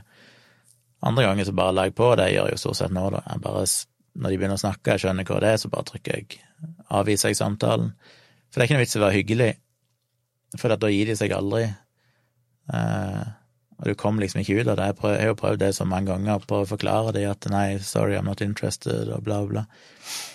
Det verste jeg opplevde, var jo en gang jeg fikk eh, dette tidlig på 2000-tallet, så fikk jeg et sånn lite kort i posten ifra European Business uh, Hva det heter Ja, det var en sånn uh, indeks over alle europeiske selskaper, så du kom i en sånn katalog som blir distribuert i enorme eksemplarer, der du kan basically finne kontaktinformasjon til alle selskaper innenfor forskjellige bransjer i hele Europa. Og jeg fikk et sånt kort, og så sto det liksom bare Her er navn og adresse til firmaet ditt. Eh, stemmer det? Hvis ikke, så kan du korrigere det, og så kan du bare returnere dette kortet. Så var jeg dum nok til å gjøre det, vet du, for hun hadde vel skrevet en eller annen ting feil i adressen, som de sikkert gjør hos alle, nettopp for å få folk til å returnere det. Så da korrigerte jeg det, og signerte, og så returnerte jeg det. Så gikk det en liten stund, og så fikk jeg jo en regning på ja, Hvor stor var den? Tre Jeg tror det tilsvarte 8000 kroner, eller et eller annet sånt, i euro, eh, som var betaling for denne katalogoppføringa. Og det visste jo ikke jeg før jeg begynte å studere det, og så da at det jeg hadde signert på, var jo, sto i liten tekst, at du da samtidig bestilte en oppføring i den katalogen. Og gud, det skapte mye bry i mange, mange år, faktisk. Fordi jeg nekta jo å betale og sendte mail til de og sa at eh, sorry, dette er jeg ikke interessert i å være med på. Og så fikk jeg beskjed om at nei, men jeg hadde jo angrefrist fram til den og den datoen. Men de var jo smarte nok til at de sendte deg faktura etter at angrefristen var gått ut. Sånn at de folk flest vet jo selvfølgelig ikke at de er signert på noe før de får fakturaen, og da begynner de å tenke hæ, hva er dette her for noe, men da var jo angrefristen allerede gått ut. Og så ga de ikke betale, og så begynte de å ringe fra Sveits og Spania, advokater som sa liksom ja, det var jurister der og derifra, jeg er nødt til å betale dette, ellers vil de gjøre sånn og sånn. Og i den tid var jeg ganske uerfaren og nervøs av meg, så jeg tenkte shit, hva er det nå jeg rota meg opp i? Så googla jeg dette her, selskapsnavnet, og fant jo da ut at det var egne nettsider som het sånn Stopp EB, hva det heter, European Business, eller et eller annet sånt, den forkortelsen, tre bokstaver, som var dedikert bare til å informere folk om hva de skulle gjøre når de ble liksom fanga i det nettet, der de hadde ferdig sånne formularer med sånne brev du kunne printe ut og, og signere og sende til disse juristene og sånn, da du på en måte så, ja, aktivt på en måte nekta å betale. Og der de òg liksom informert om at du trengte egentlig ikke bekymre deg, for de hadde ingen myndighet til å, å gjøre noe mot noen som bodde i Norge, for eksempel. De bare truer deg med det. Men det holdt jo på så lenge før de til slutt ga seg, og de fortsatte å ringe med advokater, og de trua, og de sendte regninger som ble større og større. Men de ga seg til slutt, jeg betalte ingenting.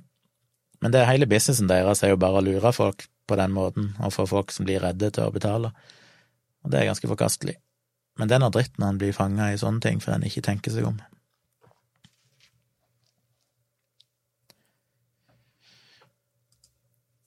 Arnesen skriver at NRK lager en del selvstendige podkaster også, men skjønner poenget ditt.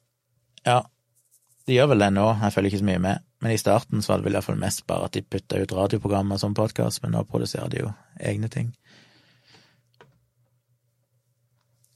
Hurdur Media skriver André, spill inn et opptak der du sier hei, mhm, tja, kan du fortelle mer, aha, usikker, videre. Spill av opptaket når du skjønner at det er en telefonselger, legg så fra deg telefonen og nyt. Ja. Jeg har hatt noen, det var en periode de ringte så intenst ofte fra Filippinene, og hver gang så var det sånn hello, is this charming?». Og i begynnelsen snakka jeg hyggelig med dem, men de skulle alltid Det er jo så mange som ringer hele tida, og så skal de ha meg til å investere i ting, og sånn begynner de å spørre sånn How much are you planning to invest in bla, bla, bla this year? Så tenker jeg, hvis du hadde gjort bitte grann research og sjekka hvor lite det firmaet mitt er, og skjønner at vi er ikke et firma som har millioner å bruke på å investere i forskjellig piss Men igjen, de gjør jo ikke researchen sin, de bare ringer bredt ut og håper å få noen til å treffe av og til. Eh, men det var noen som bare ringte så ofte, og jeg gang på gang hyggelig sa liksom nei takk, dette er vi ikke interessert i, sånn. Jeg husker det noen ganger jeg bare klikka på de, og bare til slutt brølte de som fuck off, og sto og skjelte de ut på engelsk før jeg la på telefonen. Det er da du savner de gamle telefonene som du kan liksom slamre ned. Det er ikke sånn med trøkket med, med en, mobiltelefon der du bare må avvise samtalen. Men jeg er faktisk, det er ikke ofte jeg blir sint eller ufin eller hever stemmen, men det er noen ganger jeg har sittet og blitt ringt opp av de der selgerne fra andre land gang på gang, og prøvd å være hyggelig med de, og de ikke gir seg. Hadde jo Gule Sider på nakken òg, det òg var tidlig i karrieren til firmaet mitt, der Gule Sider begynte å å ringe oss skulle ha oss til å betale for oppføringa i telefonkatalogen i den tid den eksisterte i fysisk format. Der de aldri ga seg. De ringte og de ringte og de ringte, og til slutt så måtte jeg true de med anmeldelse. Jeg sa at hvis dere ringer en gang til nå, så kommer jeg til å anmelde dere for trakassering. Så det har skjedd et par ganger at jeg sett, og da stoppa de til slutt. Men jeg husker det ble jo vel en mediesak om det òg, at uh, Gule sider gikk altfor langt. De var helt horrible. Men det er jo sånn 15 år siden. Men det er mye roligere nå enn det var før, det må jeg innrømme. De første årene jeg starta firma, det er kanskje fordi at du er nytt firma, sånn, havner i alle kataloger og sånn, så ringer jo alle. Det var jeg var jo så dum òg i lang tid, så herregud så mye De drev stadig vekk og ringte for Norges Blindeforbund og solgte sånn kontorpakke der du fikk noen penner og, og noen sånne greier. Og jeg klarte ikke å si nei. Jeg var liksom sånn ah, jo, ok. Så gang på gang så de ringte meg, for jeg var tydeligvis notert som en som alltid sa ja, som endte jo opp med så mye sånne penner sånn fra Norges Blindeforbund. Men trikset mitt til slutt, fordi jeg aldri har hjerte til å si nei, nei når de ringer, det er jo at eh, Jeg nevnte det vel en gang for styrelederen, som sa at du må si nei til dette her, det har vi ikke råd til. og så da begynte jeg bare å, å bruke dem som unnskyldning og si du, vi har dessverre et styrevedtak på at vi ikke kan støtte alle de her tingene, så beklager. Prøvde bare å få det til å høres ut som at det var liksom over mitt nivå. Det var ikke, noe, det var ikke jeg som personlig sa nei, men jeg dessverre var tvunget til det. Da føltes det litt lettere å, takke nei til sånne ting. André skriver jeg, jeg jobbet for Norsk Gallup i studietiden, så jeg evner å se det fra ringa side også. Drittjobb for alle involverte. Ja, det er jo derfor jeg prøver å være hyggelig, for jeg skjønner jo at dette er jo ikke noe de gjør for å være jævlige. Men poenget mitt er bare at når du har vært hyggelig noen ganger, og de fortsatt ikke gidder å forholde seg, da har du ikke så mye annet Da må du enten bare legge på, eller eh, være ufin. For dette er jo veldig personlig òg, du merker jo det noen som tydeligvis bare er ekstra aggressive fordi de håper vel å få noen ekstra bonuser, eller hva de får, provisjon for å få noen kunder og ikke forholde seg anstendig til det, den virksomheten de skal drive. Hurdur Media skriver crowdsourcing av reklameinnslag next. Feit poster midt i gryta. Sub til Tjomli. Ja, vi må eh, Vi må ha sånn at vi får 1000 faste seere av livestreamen min. Da begynner det å bli noe her. Men det hjelper mye at dere liker og subscriber subscribe til kanalen og tipser andre hvis dere syns det er grei kveldsunderholdning. Eller aller best bli patrons. Jeg har faktisk fått noen nye patrons de siste dagene. Takk, takk til dere som ser på nå, som er blitt patrons. Det høres kanskje blasert ut, eller det høres kanskje Blasert er kanskje ikke rett ord. Det er ikke sikkert dere tror meg, men jeg blir faktisk litt rørt, og jeg syns det jeg blir utrolig takknemlig for de som vil støtte meg fordi eh, det hjelper meg jo litt å få en drøm i oppfyllelse, og det jeg kanskje kunne drive med dette her i mye større grad enn det jeg har gjort tidligere. Og det betyr jo noe at folk eh, tydelig setter pris på det og er villige til å liksom bruke noen kroner på å støtte opp om det.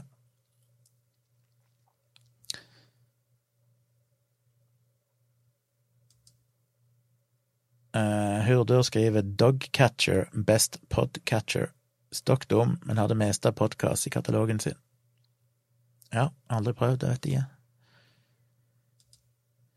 André skriver er den bra, hater nye IOS og skaffa Acast, men her mangler mange av mine faste podkaster, hører på noen hundre. ja, sånn er det å ha natt, nattarbeid og du ikke trenger å bruke hjernen, André, som du sjøl beskrev det. Jeg skulle ønske jeg hadde mer tid til podkast. Jeg har jo laga en egen video som ligger på YouTube-kanalen min, der jeg skriver, snakker om podkastene jeg hører på, så dere kan jo sjekke ut den hvis dere vil ha tips, men eh, jeg rekker jo bare å høre på en fire-fem, det er det jeg ikke har tid til. Jeg bruker jo Pocketcast som podkast-app, som jeg er veldig fornøyd med. Den betaler jeg vel noen kroner for, for å ha synkronisering og sånn mellom enheter og alt mulig. Men den er jeg veldig fornøyd med. Jeg har aldri opplevd at jeg ikke finner en podkast der. Og hvis ikke jeg finner den, så kan jeg alltid finne feed-URL-en og bare lime den inn i søkefeltet, og så finner han podkasten uansett. Laska Tore spør fått med deg innholdet i talen til Trump. Ja, vi fikk et lite referat her fra Anomi tidligere, som tydeligvis så på med et halvt øye så lenge hun Jeg sier hun fortsatt, jeg vet ikke om det er ei dame. Hun eller han, hen, orka. Men jeg så eh, vel på nettet her, eller trenger en egentlig En vet jo på en måte hva, hva det kommer til å innebære.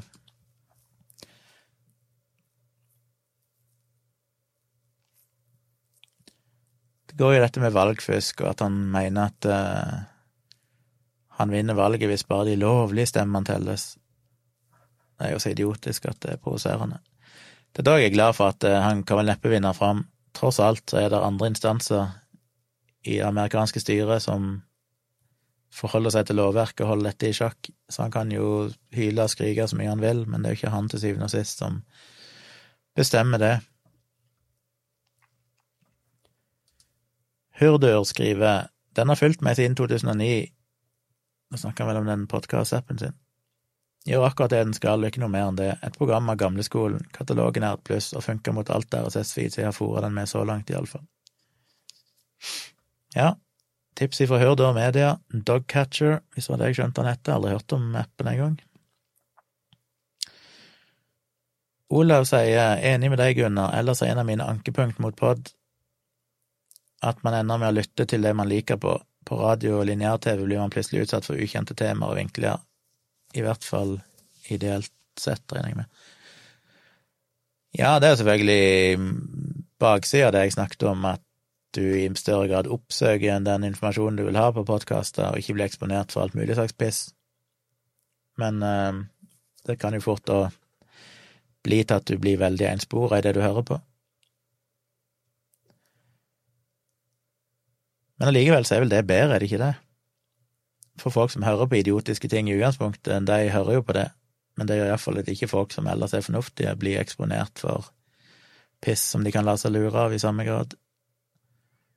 Så jeg er ikke helt sikker på om jeg bekymrer meg altfor mye for det. Jeg må tygge litt på det. Hurdur skriver han er desperat, og sikter vel til Trump. Uten presidentskapet så står Deutsche Bank ved porten til Det hvite hus og sitrer. Ja, det var det jeg sa i går om Trump, at hvis han ikke blir president, så står der er det mange som vil ta han, og det er vel det han frykter mest, så han er desperat, uten tvil. Hjernevasker rappkjefta Shapiro i et nøtteskall. Ja, Shapiro er ikke spesielt imponerende. Hurdur skriver videre, ref behov for biologisk kropp, sexdrømmer er ofte vel så bra som virkeligheten, så jeg ser for meg at ikke mye går tapt gitt at simulering av ekstern stimuli er inkludert. Ja, det er jo både godt og vondt. Jeg ser jo for meg at uh, det er vel relativt enkelt, vi klarer vel det egentlig i dag, vil jeg vel tippe, å kunne stimulere de sentrene i hjernen som basically gir deg uh, og euforiske, orgasmiske opplevelser. Vi gjør det jo med kjemikalier. Det er jo rusmidler som definitivt vel gir den effekten. Så ulempen er vel kanskje at du blir desensitiv Desensitiv des, Hvorfor klarer jeg aldri å si de ordene? Desensitivitert de, Desensitivert Sensitivert Sensiv Herregud. Ja, dere skjønner hva jeg mener. Um, sånn at du kanskje må ha sterkere og sterkere. mening du blir på en måte immun mot eh, endorfiner og alt dette her, så er det ikke sikkert det varer evig. Men jeg vil jo ikke føre meg at i en eller annen simulert virkelighet så kan du liksom være Jeg mener, hvis, hvis du er i en situasjon der du egentlig kan få alle dine sexfantasier og alt oppfylt til enhver tid i holdt å si full HD, eh, i noe som virker som en slags virtual reality, eh, som ikke bare er virtual reality, men som faktisk er liksom din opplevelse i hjernen, som i praksis er identisk med virkeligheten, i den grad en kan snakke om noe virkelighet lenger, så er det jo Høres jo det for det første helt fantastisk ut, men uh, da er en jo avhengig av AI til å holde ting i gang, for det er jo ingen som kommer til å gidde å gjøre ting. Det blir jo liksom de her eksperimentene med rotter som du fôrer med, med sukkervann eller heroin og sånn, som bare ender opp med å, å prioritere det til de sulter i hjel, for de blir så avhengige. Og det er litt sånn jeg tenker med når vi får de her fantastiske simulerte virkelighetene som vil være så euforiske og deilige at uh, det blir vanskelig å få folk til å gjøre noen ting som helst. Så det er jo det som er litt skummelt. Vi trenger jo, vi trenger jo på en måte lidelse, vi trenger å ha det vanskelig. Og en virkelighet, en simulert virkelighet der du kan fjerne alle problemer, vil jo Selv om det høres forlokkende ut, så er jo ikke det bra. Så ja.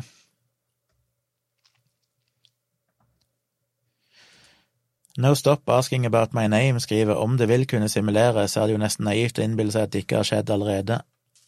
Ja, det er jo det fremste argumentet for at vi lever i en simulert virkelighet. Det er jo rent statistisk sett, hvis, det, hvis en tenker seg at dette kan simuleres, og gitt den tida som har eksistert, eh, så lenge vi har eksistert, men også sivilisasjoner som kan ha oppstått millioner år før oss.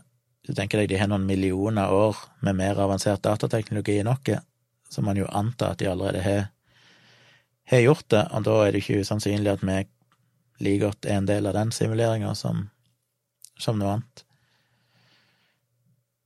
Eneste argumentet imot det er vel kanskje den ideen om at de fleste sivilisasjoner utrydder seg sjøl før de kommer så langt.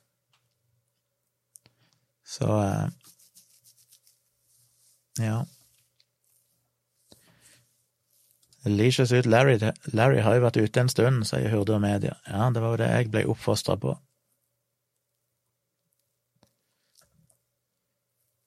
Det er ganske trist når du spiller Licious ut Larry i 16 farger, og så kommer de i en 256 fargers versjon, og så må du bare spille det på nytt, for du har lyst til å se de der dristige toppløse damene og sånn, i høyere oppløsning og flere farger. Det sier litt om hvor hardt vi hadde det i gamle dager. Jeg måtte nyte pornoen i 256 farger.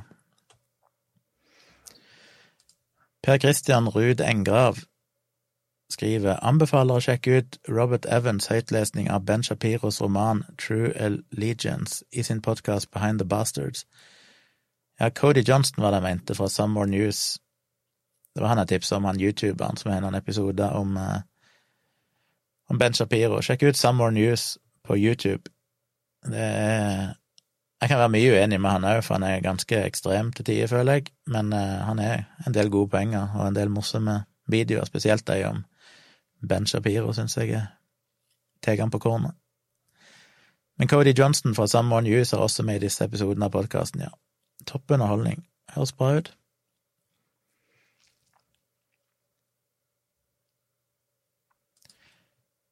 Hurde og Media skriver høres ut som en gyllen mulighet til å gjøre suksess på YouTube via scambating, reverse teamviewer action.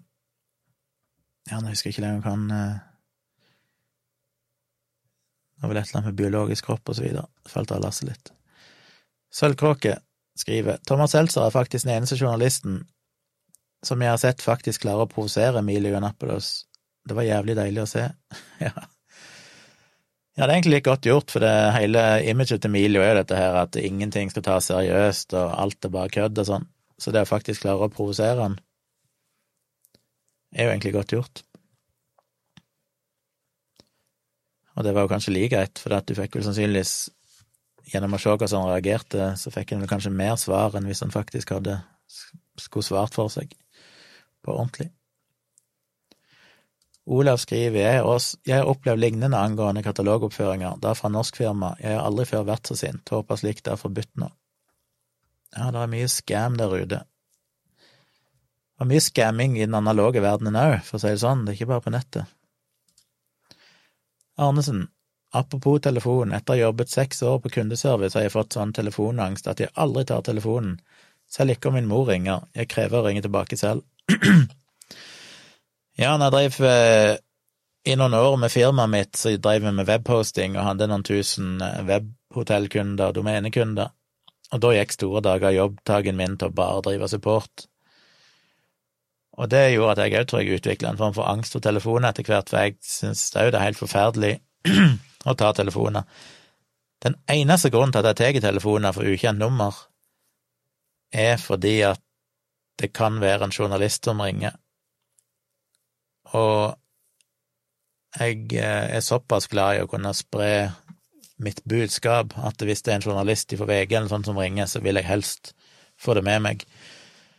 Så hver gang det kommer et ukjent nummer, så tenker jeg åh, jeg har ikke lyst til å ta den, men det kan jo være en eller annen journalist som ringer, så la meg ta den likevel. Så det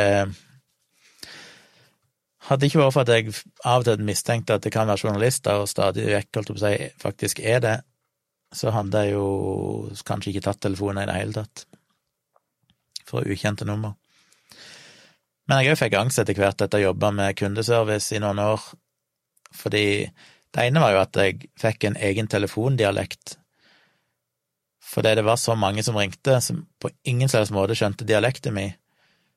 Så etter hvert så ble det sånn at når jeg tok telefonen, så gikk jeg umiddelbart over til sånn kvasi-bokmål, eh, som jeg aldri helt har klart å bli kvitt. Så jeg er fortsatt der nå, til og med sånn 15 år seinere, at når jeg tar telefonen, så begynner jeg å snakke på en dialekt som ikke helt er min. så jeg har en egen telefondialekt. Så det er en sånn yrkesskade. Til og med når jeg snakker med folk liksom fra hjemkommunen min og sånn, så kan jeg plutselig snakke en spesidialekt. Sølvkåke skriver nå skal Donald Trump jr., aka Douche McFuckface, tydeligvis holde en appell. Ja, det blir sikkert flott. Hurdur Media, kom an nå, folkens, vi har 36 folk her inne, slam that like button og bump med en comment, med én comment. Ja, kunne ikke sagt det bedre sjøl. Det koster dere så lite å like hvis dere ser videoen.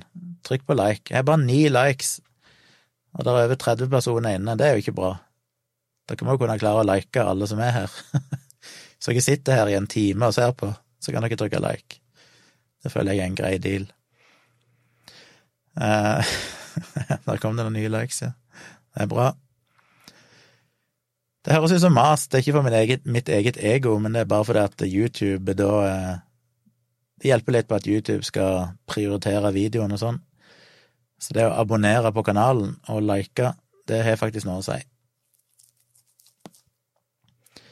Kommentere gjør dere jo, mange av dere, så jeg kan ikke klage på det. Men kommentarer hjelper selvfølgelig òg. Der kom det en downlike, det hjelper ikke, da har du misforstått. Denne downvote-knappen den virker bare når du trykker på den to ganger på rad.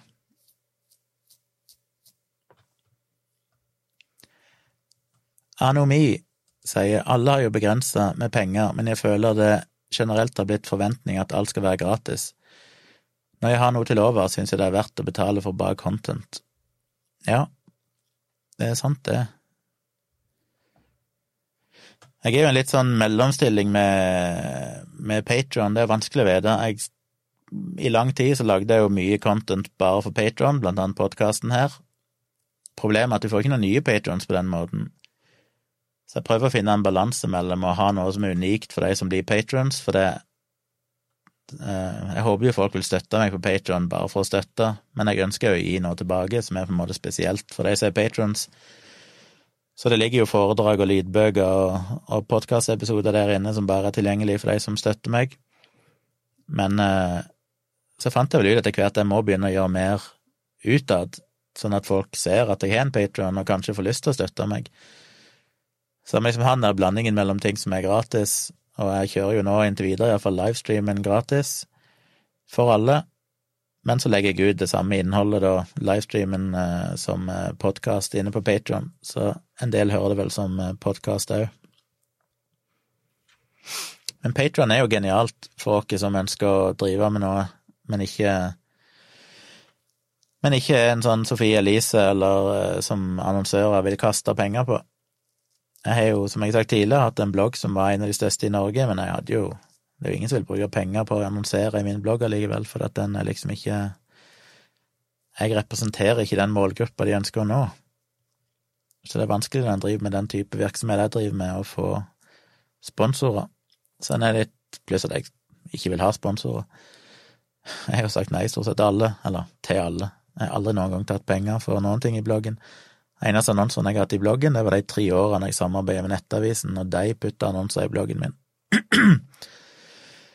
Men jeg får jo hele tiden sånn mailer fra folk som vil betale for å få artikler i bloggen min og alt mulig sånn piss. Det svarer jeg jo aldri på, selvfølgelig, det bare går rett i spam-filteret. Men det kunne jo aldri falt meg inn. Hurdur skriver Lex Friedman, Darknet Diaries, Suns Internet Storm Center, Daily Security, Dan Carlins Hardcore History, Brain Science with Ginger Campbell, og ikke minst dialogisk er det det går i her i gården. Åh, det er så deprimerende, for det er jo så mye podkaster som jeg garantert hadde syntes var dødsinteressante. Men tid strekker ikke til. Av og til ønsker jeg jeg skulle ha Må ikke, nesten ikke si sånn høyt, vet du. Kan gå troll i ord. For alle dere overtroiske. Men av og til får jeg nesten lyst til å skade meg hardt, sånn at jeg blir liggende på sykehuset i noen måneder. Og er helt forhindra fra å faktisk gjøre noe kreativt og produktivt. Så jeg bare kan endelig høre på alle podkastene, jeg. Med god samvittighet.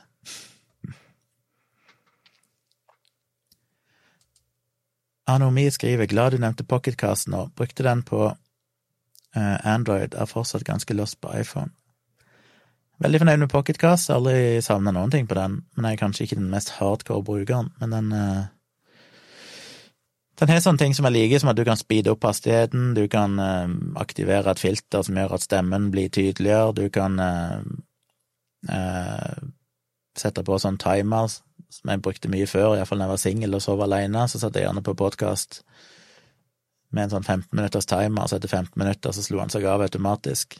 Hvis ikke jeg hadde sovnet innen det, så bare satte jeg på nye 15 minutter. Så finner han, her de fleste Nei, det er vel ikke noen podkast jeg ikke har funnet i katalogen, men jeg har kanskje ikke søkt på de mest sære podkastene heller. Men den gjør det jeg trenger, og den synker mellom enheter. Du kan òg logge inn på web og få opp alle podkastene dine og spille de rett i nettleseren, som er veldig greit, hvis ikke jeg er et sted der jeg har nødvendigvis andre muligheter. Så jeg liker pocketcasts. Sølvkråke, er det bare jeg som pleier å skippe de første fem minuttene av hver dialogisk episode fordi jeg vil komme rett til good? Ja, det tror jeg er bare deg, Sølvkråke. Men apropos det, så er det jo en ting Pocketcast kan. Du kan jo gå inn på den enkelte podkasten du følger, og så kan du, hvis de for eksempel alltid har en 20 sekunders intromusikk, så kan du velge at han alltid skal starte etter 20 sekunder. Eller hvis de alltid har reklame i starten, så kan du velge at han automatisk skipper det på nye episoder. Så det gjør jeg på enkelte podkaster jeg hører på, som jeg vet har en sånn fast lengde på intromusikken. Så hvis du alltid vil skippe de fem første minuttene dialogisk, så kan du det automatisk med pocketcast. Det vil si, jeg vet ikke om han går så langt som fem minutter, da, men han går iallfall du kan få velge tidsperiode som han skal skippe. Thomas har en bokanbefaling, Roger Penrose, The Emperor's New Mind, og nyere videoer med han om kunstig intelligens versus slik hjernen vår fungerer. Ja, jeg falt litt av lasset. Husker jeg eh, var jo litt inne i den verdenen for mange, mange år siden. Jeg satt og leste mye om sånne ting, leste bøker. Men ikke Roger Penrose er jo litt sånn litt sånn kvasi-alternativ. Han har noen teorier vel som ikke er helt um, helt spiselige for alle. Eller tar jeg feil? Jeg fikk av og til inntrykk av at han av og til hadde noen litt sånn nesten mystiske teorier som ble mer hypoteser enn noe mer enn det. Enomi skriver Kari Jakkesson-videoen din gikk forresten viralt i min vennekrets etter at jeg delte den. Apropos Jakkesson, har du vært borti FB-gruppa Vi som bryr oss om avisa Klassekampen? Takk for at du delte den, Anomi. Det er jo som jeg sier, det er det som eh, hjelper. Folk må dele. Det er ingenting som går automatisk her, hvis ikke folk aktivt hjelper til å spre innhold de syns er viktig å like, for de idiotene er iallfall flinke til å spre idiotisk innhold, så da må rasjonelle, oppegående mennesker være minst like flinke. Eh, men det er hyggelig. Jeg har ikke vært borti den Facebook-gruppa, nei. Fortell gjerne hva, hva den handler om. Vikram skriver Black Mirror-episoden med de to kompisene som gamer i en virtuell verden, er morsom skremmende. Ja, når jeg snakket om det i stad med, med det her greiene, så tenkte jeg jo umiddelbart på Black Mirror, men jeg kunne ikke i farten huske om det var noen episoder som spesifikt hadde tatt for seg det, så jeg nevnte det ikke, men uh, Men den spillepisoden, ja, den er jo ganske nært det.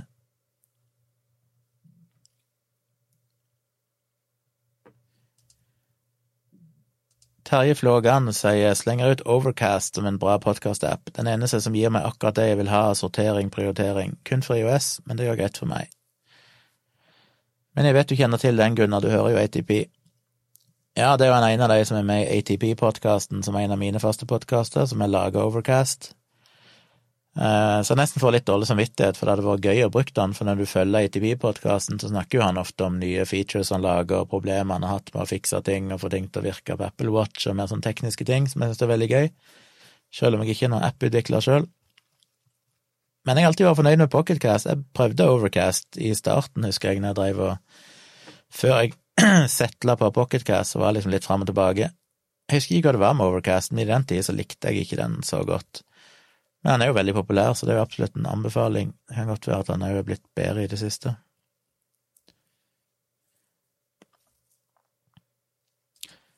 Thomas sier han er en av verdens beste matematikere og påpeker at prosessen i hjernecellen ikke følger en algoritme, altså ikke kan simuleres i en datamaskin. Ja, det er nettopp det. Og det vet han jo ikke. Det er vel en hypotese. Og jeg er ikke så sikker på jeg klarer ikke å se logikken i at ikke alt som er fysisk, òg skal kunne simuleres. Sånn rent prinsipielt. Ikke at vi nødvendigvis får det til rent praktisk, men uh. Nick Bostrom er fascinerende angående simuleringsteori, sier André. Kan i den sammenheng anbefale min fave podcast ever, The End of the World, med Josh Clark fra SYSK. Um,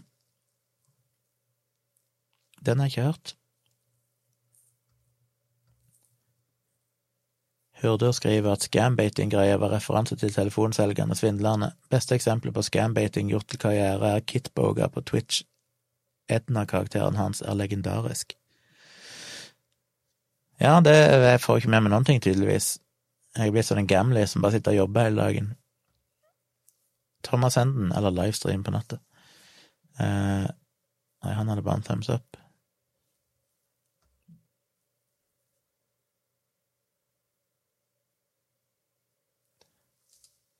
Sølvkåke sier at bare likes mot null dislikes er lik ekkokamera. Så er på en måte kanskje du da som kom med en uh, downvote. Nå er den forsvunnet igjen. ja, det er sant, det. Men jeg kan garantere deg at det kommer noen dislike etter hvert uansett. Når andre folk oppdager denne livestreamen og kikker, så, så kommer de. Så jeg trenger de upvotene jeg kan få fra dere som faktisk ser på.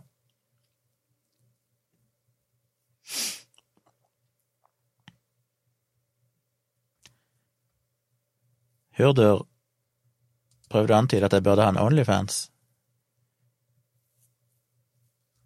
Vet ikke om det hadde gått eh, så bra. André sier jeg er nederst på den sosioøkonomiske rangstigen i en bunnslamjobb, men var patron nummer 16 eller noe. Det er bra.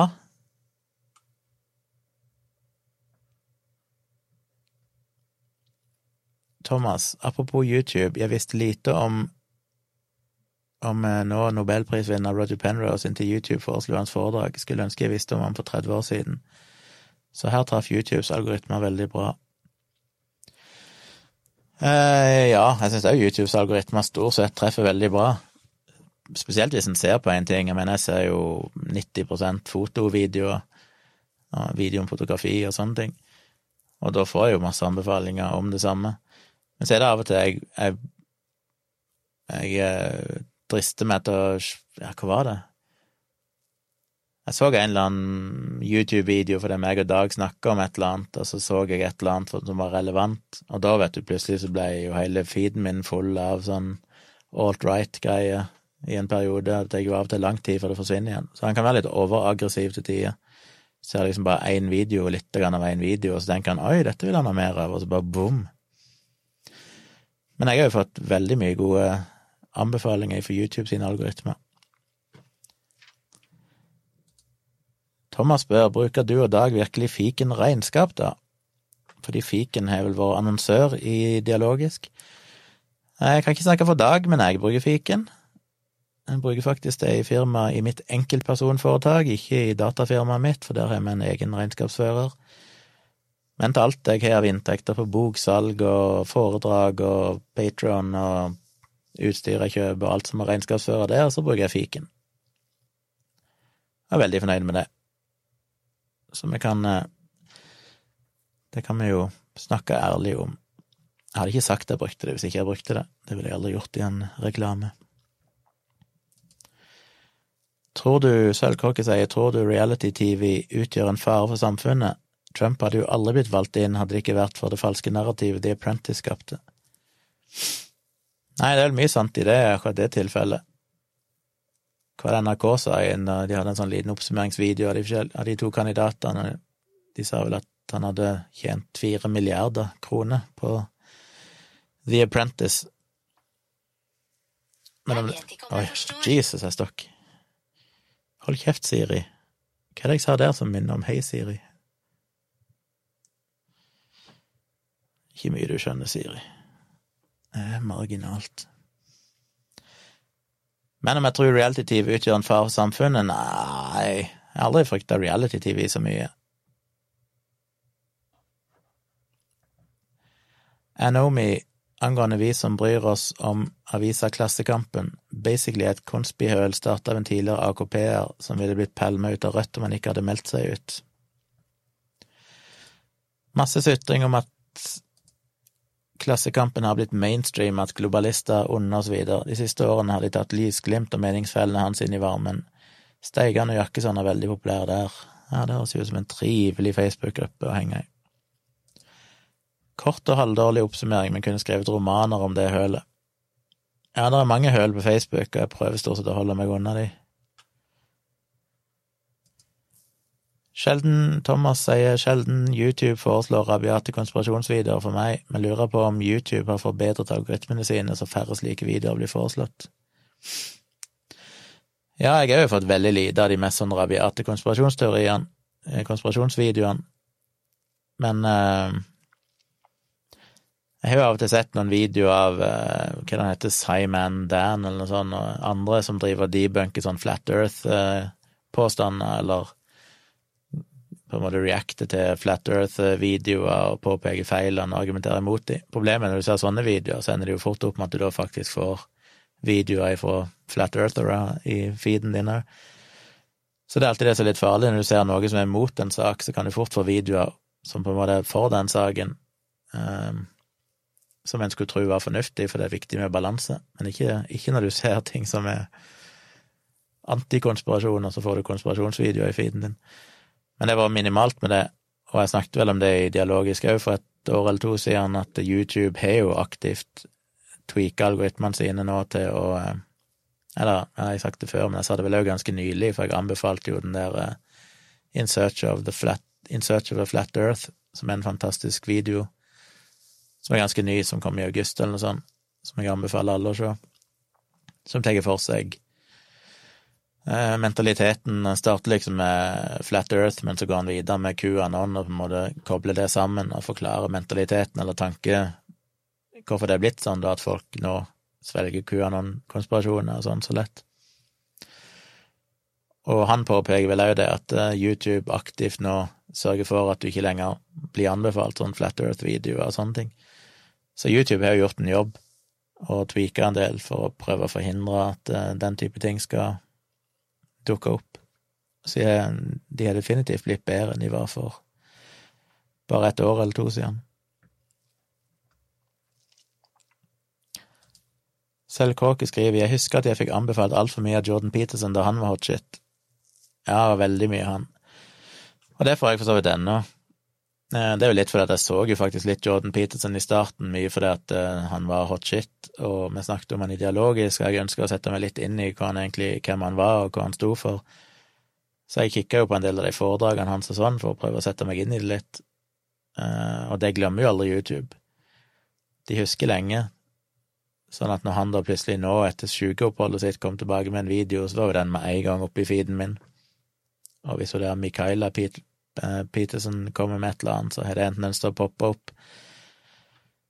Så det får jeg òg den dag i dag, selv om jeg ikke er spesielt interessert i Jordan Peterson lenger, og ikke vil, er det jeg vil ha i feeden. Jeg savner det på YouTube. Uh, ikke jeg sjekka på lenge om det Jeg tror ikke det fins, iallfall ikke på Apple TV. Men at du kunne fått sånn som uh, at du kunne velge sånn mindre av dette, hvis det var en video du fikk opp i feeden din som du absolutt ikke var interessert i, så kunne du aktivt gå inn og si at dette er jeg ikke interessert i, for å fortelle algoritmen at du ikke ønsker det. Det burde du absolutt hatt.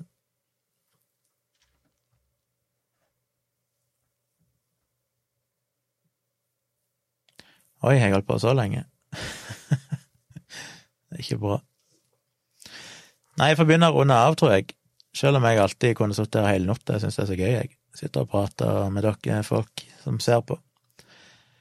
Det er til og med kommet en eh, patron eh, i løpet av sendingen, ifølge klokka mi. Det er jo veldig kult. Så eh, det er en anbefaling jeg håper dere vil følge. Støtt meg på Patrion. Inne på Patrion kan dere sende meg meldinger hvis dere har tips eller anbefalinger eller ønsker om ting jeg skal gjøre. Så det er en unik kanal til det. Men takk for at dere så på.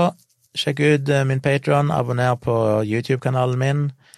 Og så er det fredag i morgen. Da har vi kanskje en ny president i USA. Det har vi kanskje når jeg våkner i morgen. Forhåpentligvis.